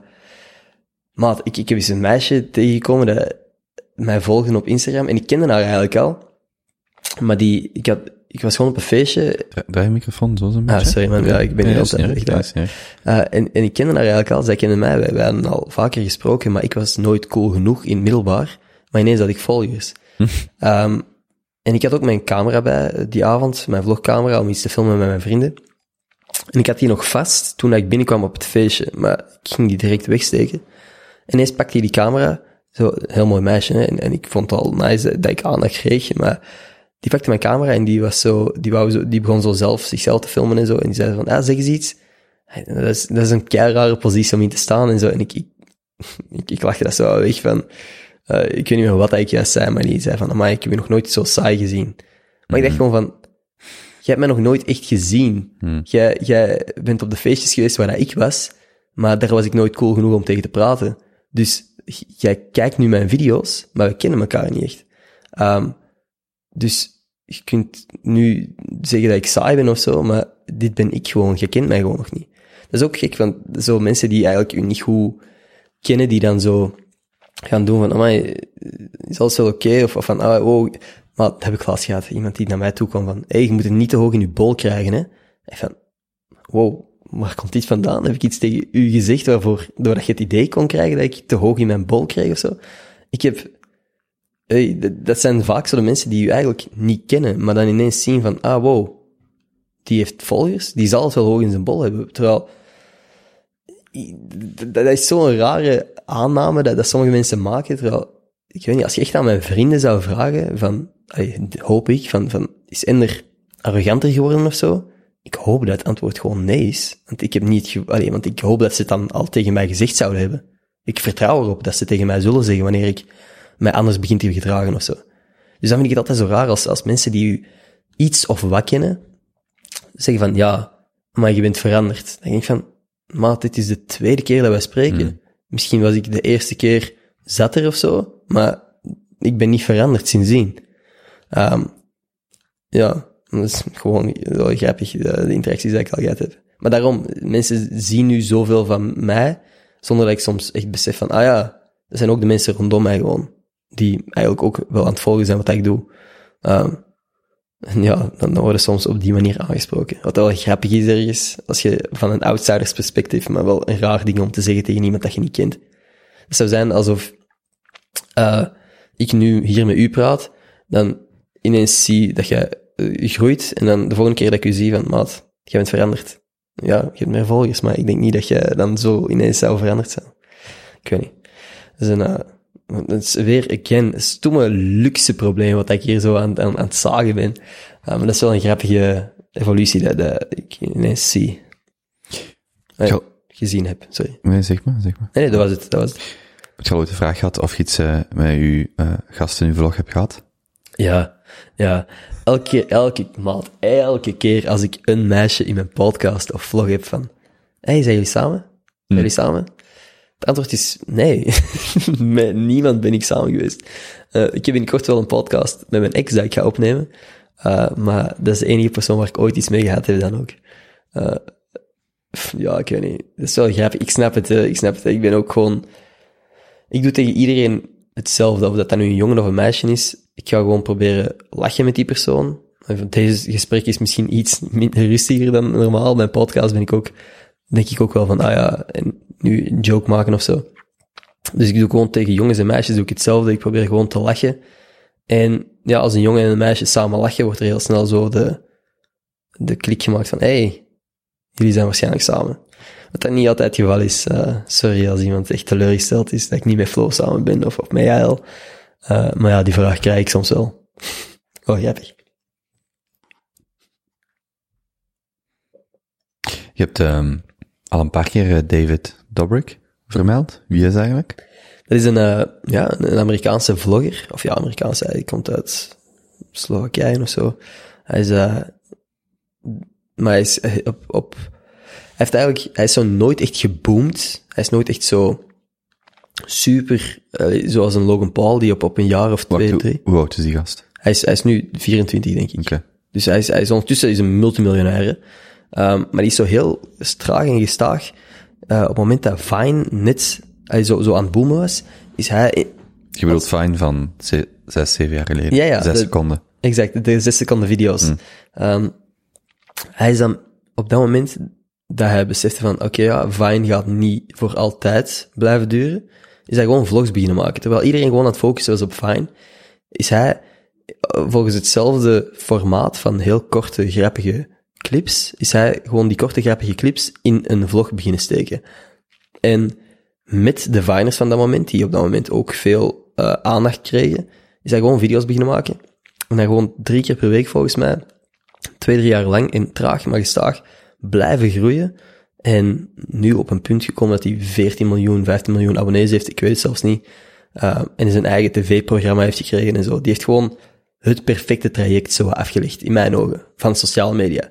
Want uh, veel van die mensen die dan die overgang maken van sociale media naar traditionele media, die, die, die hun programma flopt, of, of die hebben niet meer de, de kijkcijfers dat ze normaal gezien haalden op, op hun YouTube-kanaal.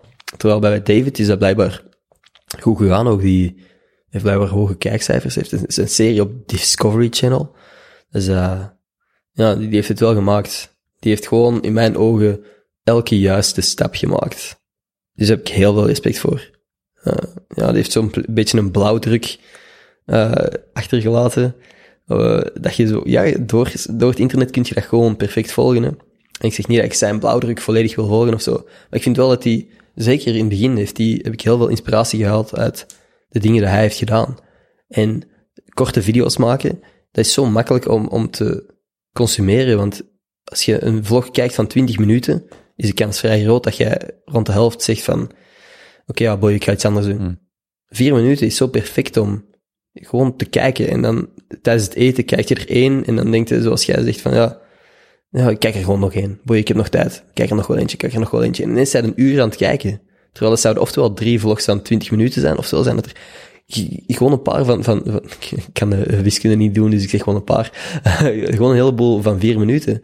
Maar dat voelt niet alsof je uren aan het kijken bent, omdat dat gewoon zo fast-paced is. En ja, die maakt gewoon super vette content in mijn ogen. Um, en ja, heeft, heeft zonder iemand voor te moeten dissen of zo, want dat is heel makkelijk, hè. Op YouTube, gewoon drama. Hey, fuck die persoon. En dan een video erover en die andere persoon zegt, ah nee, fuck u. En dan, nee, fuck je moeder ook. Dan krijg je gewoon zo'n zo'n stomme, vieze battles die, die uh, gewoon mensen onder de bus gooien en zo. En zo groeide heel snel. Maar ik denk dat dat tijdelijk is. Omdat je dan op den duur vervalt in zo'n raar spiraal dat je constant mensen moet roosten en shit om, om relevant te blijven. En ik denk dat David heeft gewoon door grappige, lighthearted content um, te blijven maken, is hij, is gewoon heel traag, maar gestaag gegroeid en, en op een heel cool niveau gekomen nu. Waar dat hem eigenlijk, die heeft een, een merchandise business waar dat hem waarschijnlijk miljoenen per jaar mee verdient. Die heeft um, deals met, met grote met, echte zenders, die heeft een eigen tv-programma. Die die heeft gewoon in mijn ogen een heel coole overgang gemaakt van sociale naar traditionele media. Zonder daar een publiek te verraden of zo, of, of als stepping stone gewoon te gebruiken om verder te geraken. Want die is nog steeds op sociale media actief. Is dat iets wat je wilt volgen? Nee. Nee, ik, uh, ik, ik denk niet, ik zie mezelf niet op tv presenteren of zo. Hm. En misschien heeft dat nu ook zo wat te maken met het feit dat ik dan heel veel controle weer uit handen moet geven. Maar ook, momenteel, Discovery Channel en zo, is heel cool en ik ben heel blij voor hem en ik gun het hem allemaal, maar ik weet niet in hoeverre dat, dat, dat nog heel lang een coole, in mijn ogen een coole doelgroep gaat aanspreken. Ik vind het, het publiek dat ik nu heb, van mensen die, die mijn content consumeren van tussen de 18 en 24 jaar, die dat echt dagelijks dingen van mij kijken. Ik vind dat super vet, Again, dat zijn gewoon studenten. En elke keer als er iemand nieuw mij volgt, dan staat er, dan staat er UGent of, of, of geneeskunde of zo in de bio. Dan denk ik van, maat, jij bent eigenlijk slimmer dan mij. Waarom de fuck kijkt je naar mijn stomme video's waar ik mijn, mijn salade van de dag laat zien of zo? Met een oh mijn god erachter of een oeh. Um, en wat, hè? Een, een oeh. ja, dat is gewoon, als ik, het ding is, ik, ik heb altijd zo gezegd van, ah, ik haat het als mensen gewoon hun salade op de, op de, Mm. op Instagram gooien. Maar soms heb ik gewoon een maf bonne hamburger dat ik denk van, ja, ik wil dit delen, maar hoe maak ik dat net iets minder saai? En dan zoom ik gewoon in en zeg ik, oeh, dat is mijn food review. en dat probeer ik dan. Ik weet niet, dat is, dat is gewoon ook voor mezelf, omdat ik dat af en toe leuk vind om zo shit vast te leggen. Welke, welke geluidjes is er nog in uw... Hoe heet dat? Hoe heet dat? Zo'n sound? Soundboard. Ja, Zaterita soundboard. Ik denk dat je gewoon, als ik ooit een soundboard maak waar ik eigenlijk aan bezig ben geweest op een bepaald punt, dat gewoon twintig verschillende lachjes zijn. En dan, oh mijn god, holy shit. Oeh. En, eh, nou, ik weet niet, dat zal nog wel zijn. Ja, ik kan er nu niet- niet direct op komen, maar er zijn volgens mij echt heel, herkenbare geluidjes die ik maak. Bewust of onbewust. Kunt je op commando lachen?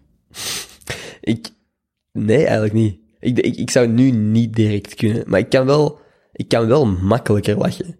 Als in, ik kan mij in, in, in podcastmodus zetten, voor mijn eigen podcast dan. Dit is helemaal anders, maar voor mij voelt dit helemaal anders aan. Ehm, dat ik sneller ga lachen misschien met iets dat iemand anders zegt, of, of met mijn eigen joke. Dat ik zo sneller dingen tussen probeer te gooien om het grappiger te maken. Ehm, maar ik kan niet op commando lachen. Als ik lach, is het wel omdat ik iets grappig heb gehoord of zo. Soms lach ik misschien gewoon net iets luider.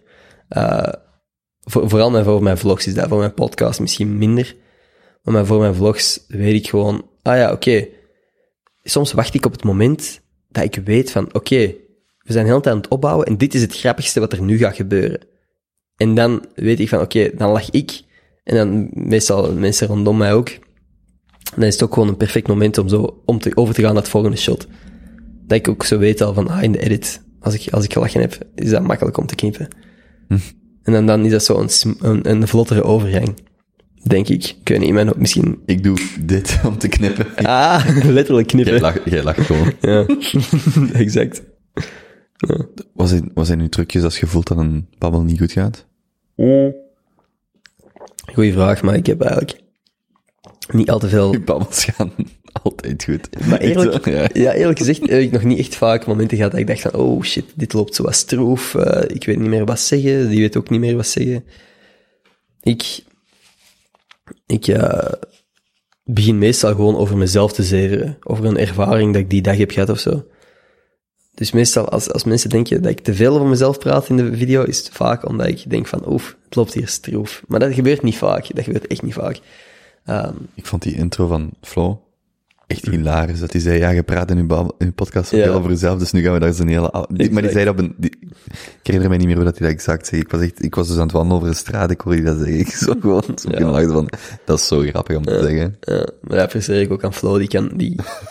Apprecieer ik aan mijn vrienden, want zij zegt dat nu, maar pff, letterlijk, dat is mijn vriendengroep, die, die houden, die gewoon door u zo af en toe te dissen, relativeert je jezelf ook, snap je? En zelfrelativering is zo fucking belangrijk. En zeker in sociaal, allee, zeker als je met zoiets bezig bent, dat je niet jezelf de hele tijd te serieus neemt. Maar als ik mezelf, ook, again, hoe kan, ik- hoe kan ik mezelf ik neem mezelf niet te serieus, maar ik, ik neem wel serieus waar ik mee bezig ben. Snap je? Ik, ik weet, eh, er zit een zeker schema achter en een zekere business. Maar als ik mezelf serieus zou nemen, zou ik niet... Soms als ik mijn stories zie, dan denk ik van, wat, dat is eigenlijk belachelijk. Hey, grappig, maar ik, vind, ik, sta wel achter de content dat ik post, maar dat is niet dat ik me serieus neem. En zelfkennis en zelfspot is zo fucking belangrijk. Ja, en dat, dat is echt een van de belangrijkste dingen. Eh, om ook gewoon stevig in je schoenen te staan, denk ik. Als je met jezelf kunt lachen, dat is zo belangrijk. Want, eh, anders, ik had al in mijn leven zo vaak boos kunnen worden of zo op, op mensen die mij proberen te kleineren of zo.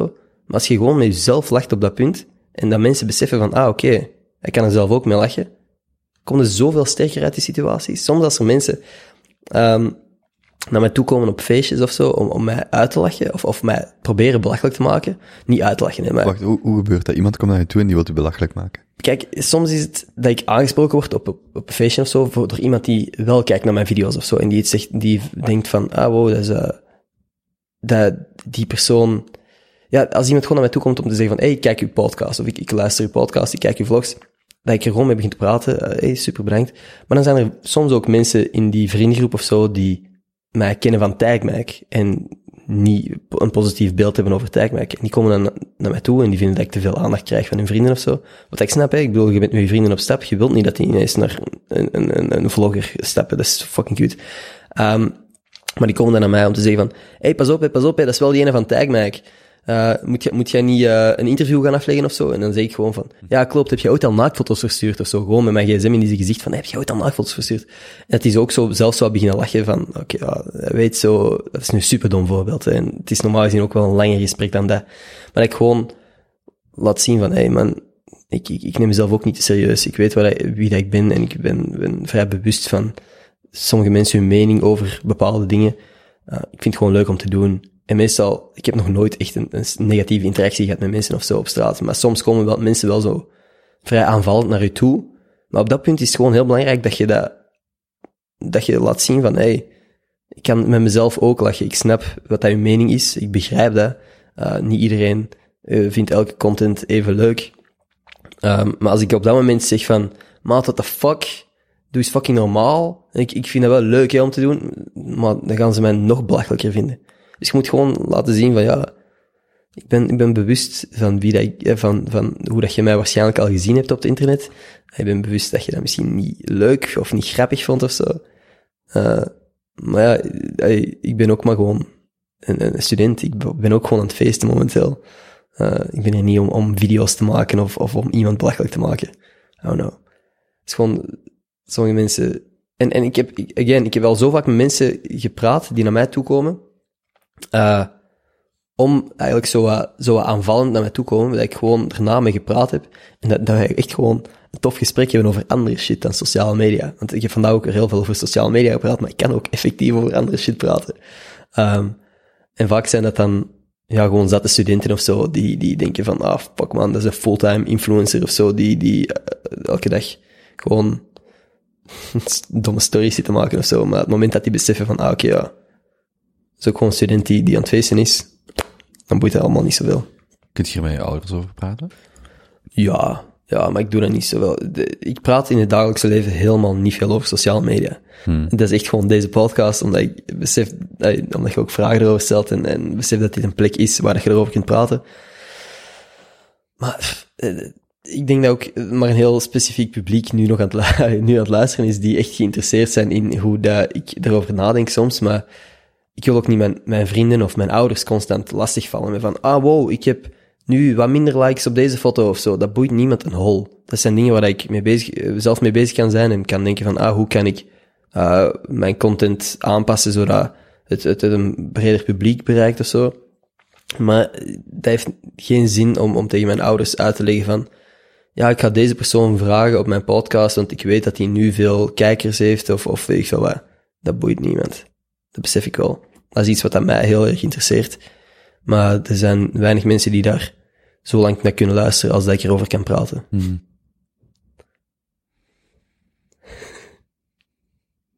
ja. Waar kunt je nog zo lang over praten? Ik kan gewoon... Of is het vooral het praten? Ik, ik kan wel... Ik kan, ik kan gewoon lang praten. Hmm. Nu is het over sociale media.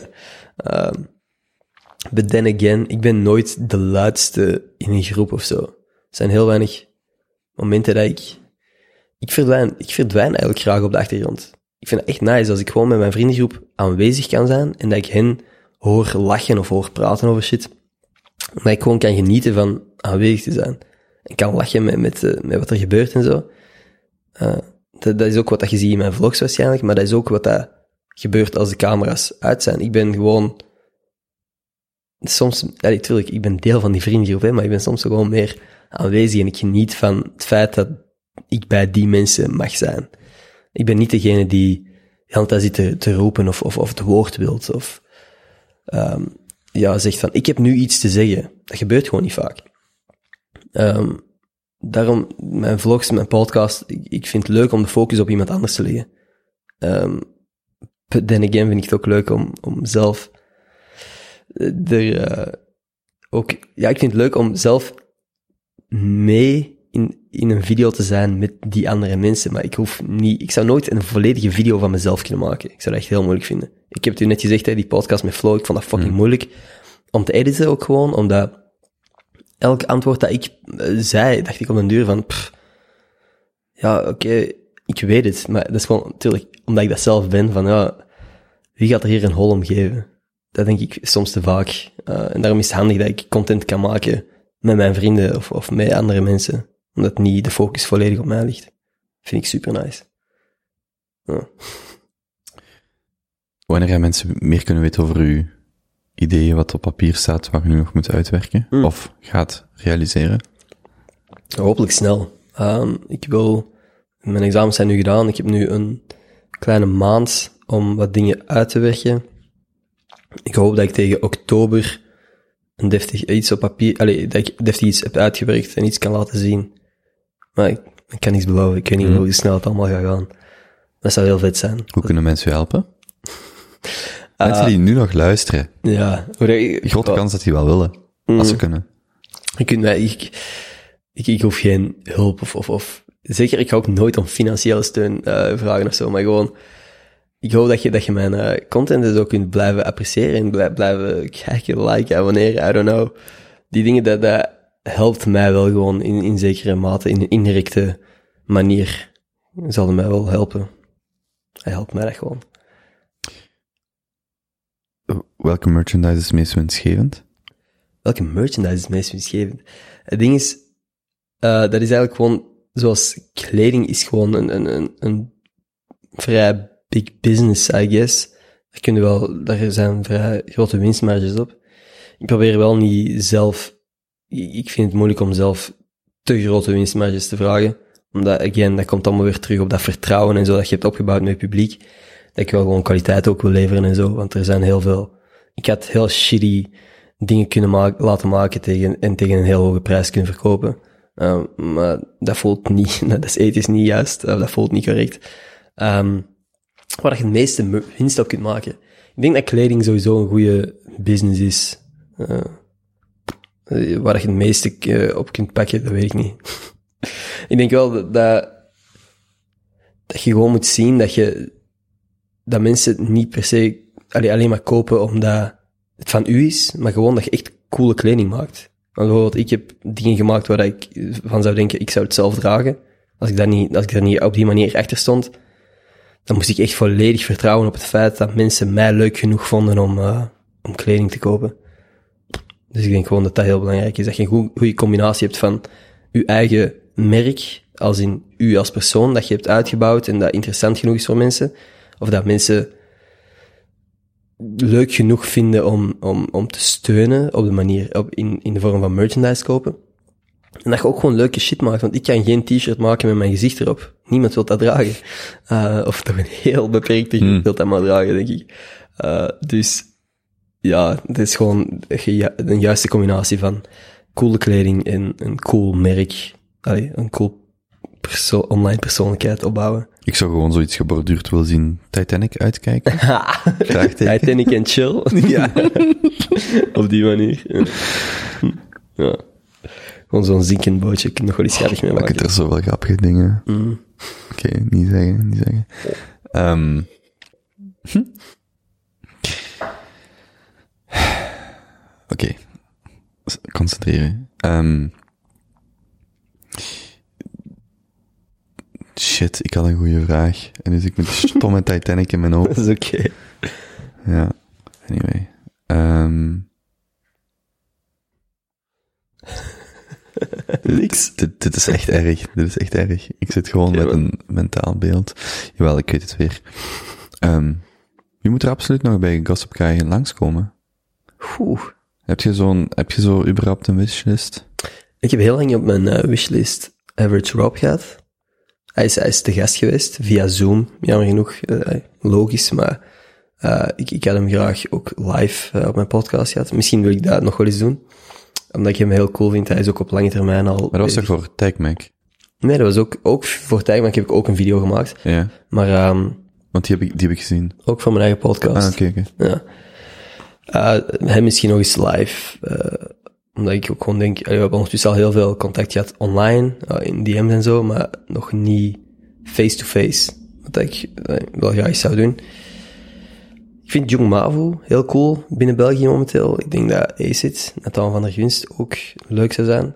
Dat zijn gewoon, ik zeg die drie gasten, omdat ik vind dat er heel weinig jongens in België coole shit aan het doen zijn. Samuel de Graaf is ook uh, goed bezig momenteel. Gewoon mensen, er zijn weinig mannelijke mensen met een groot publiek momenteel uh, online. Omdat dat in België zo raar is om als gast online dingen te posten. Allee, wordt zo nog wel op neergekeken. Als meisje is het zo al net iets meer geaccepteerd. En de Instagram-modellen en zo, uh, die kent iedereen wel. Maar om als gast te zeggen van, oké, en ik ga nu online content, ma content maken, is niet zoveel voorkomend. Dus vind ik wel graaf dat zij dat doen. Mavo is natuurlijk een rapper, dat is nog helemaal anders. Maar hem vind ik ook gewoon... We hebben al contact gehad. Ehm, dus dat zou ik ook heel graag doen. Podcast met hem. Ja, Aaron Blommaert. Ik ben nu allemaal, allemaal gasten aan het zeggen, hè. Maar er zijn ook nog heel veel meisjes die interessante shit aan het doen zijn. De cast aan What the Fuck. eh, ik heb er ondertussen een paar op mijn podcast gehad. Maar er zijn nog heel veel coole mensen bij. Ja. Maar één persoon kan ik niet zeggen. Eh Madison Beer. Madison Beer, als je dit kijkt, Wie is dat? dat is een zangeres, een Amerikaanse zangeres. maar eh, nee, dat zou, dat zou mooi zijn als ik die ooit te gast krijg. Maar not likely, maar het zou cool zijn. Wie is uw droomgast? Als je één gast mocht kiezen nu. Het gaat er vooral om, kan ik er ook rustig mee praten? Want er zijn mensen die, die je vandaag in principe kunt krijgen, die een grote naam bijvoorbeeld hebben, of waar ik graag zo mee zou praten, maar als je dan zo één of twee uur hebt tussen meetings door, dan doet mij dat niet zoveel. Maar als ik morgen een hele avond heb, met Marco Borsato, Oeh, oké. zou ik zeer graag eens mee praten. Gewoon over zijn leven. Ik ben daar zo met die muziek opgegroeid, dus dat, dat is cool. Of bijvoorbeeld iemand gelijk Stromae, maar gewoon zo... Ik heb ook heel lang gedacht, zo iemand gelijk Kevin De Bruyne, omdat die, die is even oud als mij, en zo'n totaal ander leven. Maar, je, maar het punt is, dat zijn coole namen, maar je moet daar ook mee kunnen praten. Ja. En als dat gewoon is van... Maar, maar, allee, dan, Ja. het gaat erom om, de, om, om het gesprek dat je kunt hebben, dus dat vind ik veel belangrijker. En dat is wat jij daar straks ook zegt. Als je een goed gesprek met iemand hebt, die in een bepaalde flow zit, en, en, en, en dat helpt die persoon om zijn of haar verhaal te brengen, en dat is gewoon een leuke babbelaar, dan dat is veel memorabeler dan een grote naam die gewoon, waar, waarvoor dat haar routine is. Dus iemand zegt, wow, wow, ik heb daar mijn verhaal kunnen doen. Dat is eigenlijk veel leuker als iemand die zo, oké, ik doe vandaag tien interviews, jij zit nummer zeven, Ja, je hebt een uur. Zo. ja natuurlijk.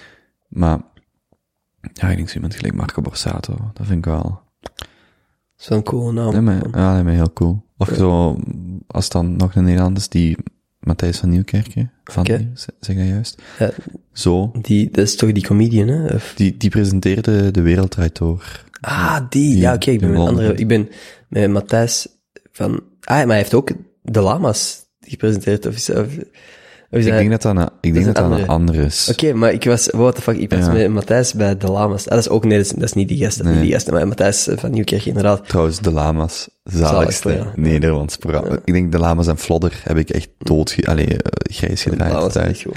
Maar De Wereld Draait Door heb ik ook heel lang met mijn ouders gekeken. Ja. Dat is gewoon elke avond. eh, Ik vond dat hij dat echt, ja, zie, ik, ik heb niet zoveel daarvan gezien, maar, Hmm. vooral zo'n aantal fragmenten op YouTube, maar ik vond dat hij dat heel goed deed. Eh, maar ik denk zo iemand gelijk Marco Borsato, en in België hoor ik heel veel goede dingen, of dat dan interessante mensen zou zijn van eh, Bart Vragen, voorzitter van Club Brugge. Oké. Maar dat is ook weer zo, moest je er morgen een uur mee kunnen gaan praten, dat is zo, maar als je daar echt zo tijd en ruimte Mhm. mee hebt om mee te praten en die hebben goesting, dan is dat wel heel cool. Ja, dat kan ik me voorstellen. Maar ook daar, op zich, dat zijn ook maar, allee, dat zijn ook maar mensen, hè. Dus daar gaat dan, kun je die Ja. als mens portretteren, portretteren of zien. Niet van, wauw, je zit die voetballer of ster. Dat is zo, ja, dat is wel interessant, maar, ja. ja. Dat. Is er iets wat we nog moeten vermelden? Is er iets wat ik u ben vergeten te vragen? Goh, Was uw schoenmaat? schoenmaat is 43. Soms, soms is het 44. Hm. Andere schoenen. Ehm, ik, denk, ik weet niet of er verder nog iets is dat we zijn vergeten te vermelden. Ik weet niet of er nog iets is waar ik eh, echt iets over kwijt wil, ook niet. We hebben lang gepraat, niet? Twee uur? Relatief lang. Twee uur en een half, bijna. Twee uur en een half, holy shit. Huh? Ik heb het gevoel dat ik wel heel veel sociale media heb gepraat, maar dat is oké, I guess. Als jij het interessant vond, ik, ho ik hoop dat je...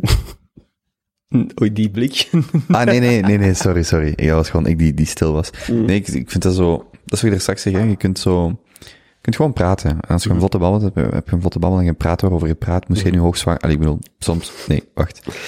Ik, ik heb bijvoorbeeld iemand gesproken een tijdje geleden, maar die was op dat moment vrij zwanger. Eh, of ja, zeker. Ja, zwanger. eh, en dan ging dat gewoon anderhalf uur of zo over die zwangerschap. En dat is ook chill, want daar zit je op dat moment- mee bezig. Als jij zegt, ja, ik heb veel over social media gepraat. Misschien is dat omdat je daar vandaag gewoon meer mee bezig bent. Of dat dat bepaalde dingen zijn waarover, waarover wilt praten. Dat is, ik vind het allemaal prima. Ah, ja. Dat is wel, dat is wel gek om over na te denken dat ik misschien over twee jaar of een paar jaar dat ik niet meer zo eh, frequent op sociale media post of zo, dat ik dit misschien terug ga luisteren en ga beseffen van hoeveel tijd dat ik erin stak en hoeveel dat ik ermee bezig was en hoe dat ik er echt dagelijks aan aan het denken was. Want ik, ik zeg, ik ben daar misschien niet altijd actief mee bezig, maar altijd wel passief in mijn achterhoofd of zo van, ah, ik moet nog eens iets posten of zo. Dus ik, ik ben benieuwd of dat ik mijn leven op die manier kan veranderen, dat ik, of, of, of ga veranderen misschien ooit, dat ik, niet dat dat nu mijn doel is, dat ik ehm zo met andere dingen bezig ben, dat ik niet meer met sociale media, dat ik daar niet meer aan denk. Ik ben heel benieuwd. In alle eerlijkheid, ik denk dat dat gaat gebeuren. Ja. Ik denk dat je, zonder daar, want dit doe ik nu niet zo graag, iemand ook on the record zou zeggen van, ik denk dat dit, dat, Ja, ja. Zo, dat zo wat iemand zo precies zo vast, allee, zo Dus vast jij, dat mag. Dan denk ik, ik denk dat je daar naar luistert over een paar jaar, of wanneer dan ook, en denkt van, oké, dat was toen een fase in mijn leven dat ik daar heel hard mee bezig Mhm. was. Maar dat is ook net cool, want ja, daar zit je ook vandaag mee bezig. Klopt. En dan is dat ineens zo, en dan gaat je denk op een bepaald moment merken van, oké, dit is te, te vermoeiend, of te, ik kan die verwachting niet, of ik word daar zot van, of wat dan ook. En dan gaat dat iets anders zijn, maar dan heb je tenminste iets om terug te kijken van, oké, op dat moment heb ik daarop gefocust, en nu komt er iets anders. Denk ik. Ja, nee, ik denk het ook wel. Maar je hebt er zelf ook aangehaald dat dat, dat vergt heel veel van jezelf. En, en je moet daar voor jezelf maar in, eh, in vinden wat, wat, eh, wat de toekomst brengt. En ik denk, ik, opnieuw, eigenlijk zeg ik dat niet zo graag on the record, maar wat ik voor, als ik een voorspelling zou doen is, je gaat je gewoon met ouder worden omringen met andere mensen, met andere problemen, met andere situaties, met andere opportuniteiten. En ik denk dat dat ook u, u gaat sturen. Dat je, dat je nu gewoon heel veel omringd wordt door mensen die, die, die mee in, um, die, die je daarin versterken. Maar straks heb je misschien vrienden die, die kinderen krijgen, of dat soort dingen. Zo gewoon nieuwe levensfases. En dat je misschien denkt, ik hoef geen vlog over die baby te maken, maar ik wil daar misschien iets anders rond maken. En wie weet wat dat gaat zijn. Ja. En dat is nu zo'n heel stereotyp voorbeeld. Zo. Nee, maar ik snap het dan denk je, heb je, had je nu geen beter voorbeeld dan Nee, dat? maar dat, ik, ik snap het wel. Ik ben nu gewoon, ja.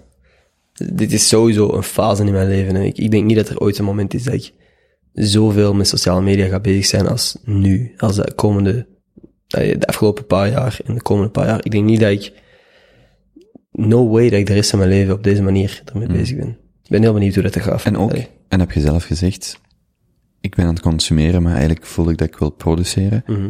Je zit tenminste met iets bezig. Allee, je, je doet iets, en dat is geen verwijt naar mensen die minder doen, Mhm. die niks doen, laat staan mensen die minder doen, maar je zit tenminste met iets bezig. En misschien zeg je over een paar jaar van, oké, ik doe nu iets anders en die Mhm. Ja. fase is voorbij, maar ik heb tenminste iets gedaan. Ik heb een portfolio opgebouwd, of ik heb een netwerk uitgebouwd, of mensen leren kennen, of contacten met bedrijven, of, of met mensen op je show, of gewoon ergens eens gaan spreken, gewoon omdat je een, een- kanaal hebt. Ja, dat is Ja. cool, je hebt dat gedaan. En je hebt tenminste iets gedaan. Dat is zo, dat is zo, ja, ja jij, jij werd niet grappig in die vlog. Ja, maar ik heb tenminste, ik heb je wel getoond. Wat heb jij, wat heb jij getoond? Ja, Je hebt eens te kijken, jij zit de loser. Je hebt tot het einde uitgekeken. maar dat is ook helemaal niet, ja. eh, Allee, Ja, ik, ik, ik, ik apprecieer wat dat je zegt, maar inderdaad, ik heb dan nu misschien ook zo te veel gezegd van, ja, ik voel me nutteloos als ik niets doe of zo, maar dat is gewoon, dat, dat is gewoon een probleem dat ik voor mezelf heb veroorzaakt of zo. Dat is ook nooit mijn bedoeling om iemand te dissen of zo, die, die niet met iets bezig is. Van, ik bedoel, ieder zijn ding, hè, maar ik heb dat gewoon, dat is gewoon een rare kronkel in mijn hoofd die zegt van, doe iets, doe iets, doe iets. Ehm, maar er is helemaal niks mis met, met, met series kijken of zo. Ik kan, me, ik kan ook af en toe echt gewoon appreciëren, maar ja, ik, ik, mijn laatste wat ik wou doen daarmee is andere mensen het gevoel geven van, oh, jij doet niet genoeg of zo. Het is, het is, eerder, het is eerder bij mij dat ik zou denken van, ja, stop even, doe gewoon, kijk gewoon een serie of zo. ik weet ook niet dat je dat gedaan hebt. Maar ik, ik, ik denk wel, je hebt gewoon iets om op terug te kijken. En voor de ene is dat misschien, wauw, ik ben uh, met hoge onderscheiding afgestudeerd. En dat vind ik de nadruk in mijn studie bijvoorbeeld. En jij zegt, ah, maar ik ben met andere dingen dan mijn studie bezig. En dat is allemaal, dat is allemaal goed. Je hebt tenminste iets. En wat andere mensen doen is, ja, is, is whatever. Ja. Hier is een ding. Oké, dan, uh, voor de mensen die dat niet weten, waar kunnen ze u volgen? Elk platform, Atender Scholten, gewoon. Is dat echt overal hetzelfde? Behalve op Snapchat, maar mijn Snapchat geef ik niet meer graag, want ik heb laatst een paar foto's gekregen. Nee, nee, mijn Snapchat mocht ook uh, berichten Wat sturen. zijn de ergste foto's? Wat zijn de foto's die je, waarover je tegen uw vrienden vertelt, kijk eens wat ik heb gekregen? Maar dat, dat vertel ik niet eens tegen mijn vrienden. Dat zeg, ik krijg gewoon uh, foto's zonder kleren. Dat is, gewoon naaktfoto's. Uh, Dickpics. Dickpics. Meer, by the way, meer gasten dan meisjes. Maar gasten zijn er veel directer in. Die zeggen van, hier is mijn Piet. En dan denk ik van, oké, okay, heb ik niet om gevraagd. Toch bedankt. Ik apprecieer het gebaar. Uh, maar ik moet het eigenlijk niet hebben. Um, dus ja, ik krijg ja, soms gewoon naaktfoto's. Maar dat is ook niet overdreven of zo. Want kijk, 80% van de mijn Snapchat staat open, omdat ik dat gewoon een leuk, tot verkocht, een leuk medium vond, gewoon om, om berichten te sturen. Het is heel makkelijk om te antwoorden en die dingen verdwijnen ook. Eh, dat is gewoon zo snel, zo direct. Ik vind dat leuk om, om op die manier contact te hebben met mensen. Dus 80% van de foto's die ik krijg zijn gewoon tof, maar tegenwoordig is dat bijna 20% of zo, waar ik toch, shit, niet op een openbare plek moet openen. En dan again, ik, ik, dat wil ik, ik ga wel gewoon blijven contact hebben met mensen via Snapchat. Dat is wel het beste luxe probleem dat je vandaag beschreven hebt. Maar tuurlijk, en ik voel me zo'n eikel dat ik daarover praat zelfs, maat. Dat, dat is zo, maar ja, ik, ik, Maar dat is toch ja, maar het is reëel. ja, het, het is zo, het is zo. Maar pff, zo, zoiets douchebag om over te, over te praten. Van, oh ja, ik krijg te veel naaktfoto's. maar het is gewoon, ik, ik, ik open mijn Snapchat op de, op de bus of zo. En als er dan ineens een naaktfoto van iemand die ik niet eens ken of zo, dat is zo, ja. ja dat is wel gek. Ik, dat, ik, dat is iets wat ik niet nodig heb. Maar boy, dus volg Attender School sociale media. Eh, ja. Ja. Ja, dat is dom, dat ik niet moeten zeggen eigenlijk, maar boy. Ik, ik wil gewoon niet overkomen als een eikel, snap je? en ik heb altijd het gevoel... Want ik heb nog nooit in mijn leven, nog nooit in mijn leven gevraagd om een naaktfoto. Ik zou niet eens weten hoe de fuck dat je dat vraagt. Hey, wilt jij een naaktfoto sturen? Bro, ik, ik, ik, zou ik kan dat niet eens typen. Ik, ik, ik vind dat raar. En gewoon ook omdat ik denk van... Dat is iets... Dat is dezelfde reden dat ik niet ehm, zelf video's zou maken of zo, waar ik zonder t-shirt of zo rondloop. Niet omdat ik mij schaam voor mijn lichaam of zo, maar gewoon omdat ik denk van, niet iedereen moet dat kunnen zien.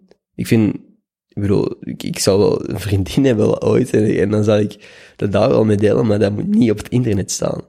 En dat is op dezelfde manier dat ik denk van, als je dat zo makkelijk naar iemand stuurt dat je niet eens kent, dat is niet dat ik daar, dat ik dat aantrekkelijk vind of zo.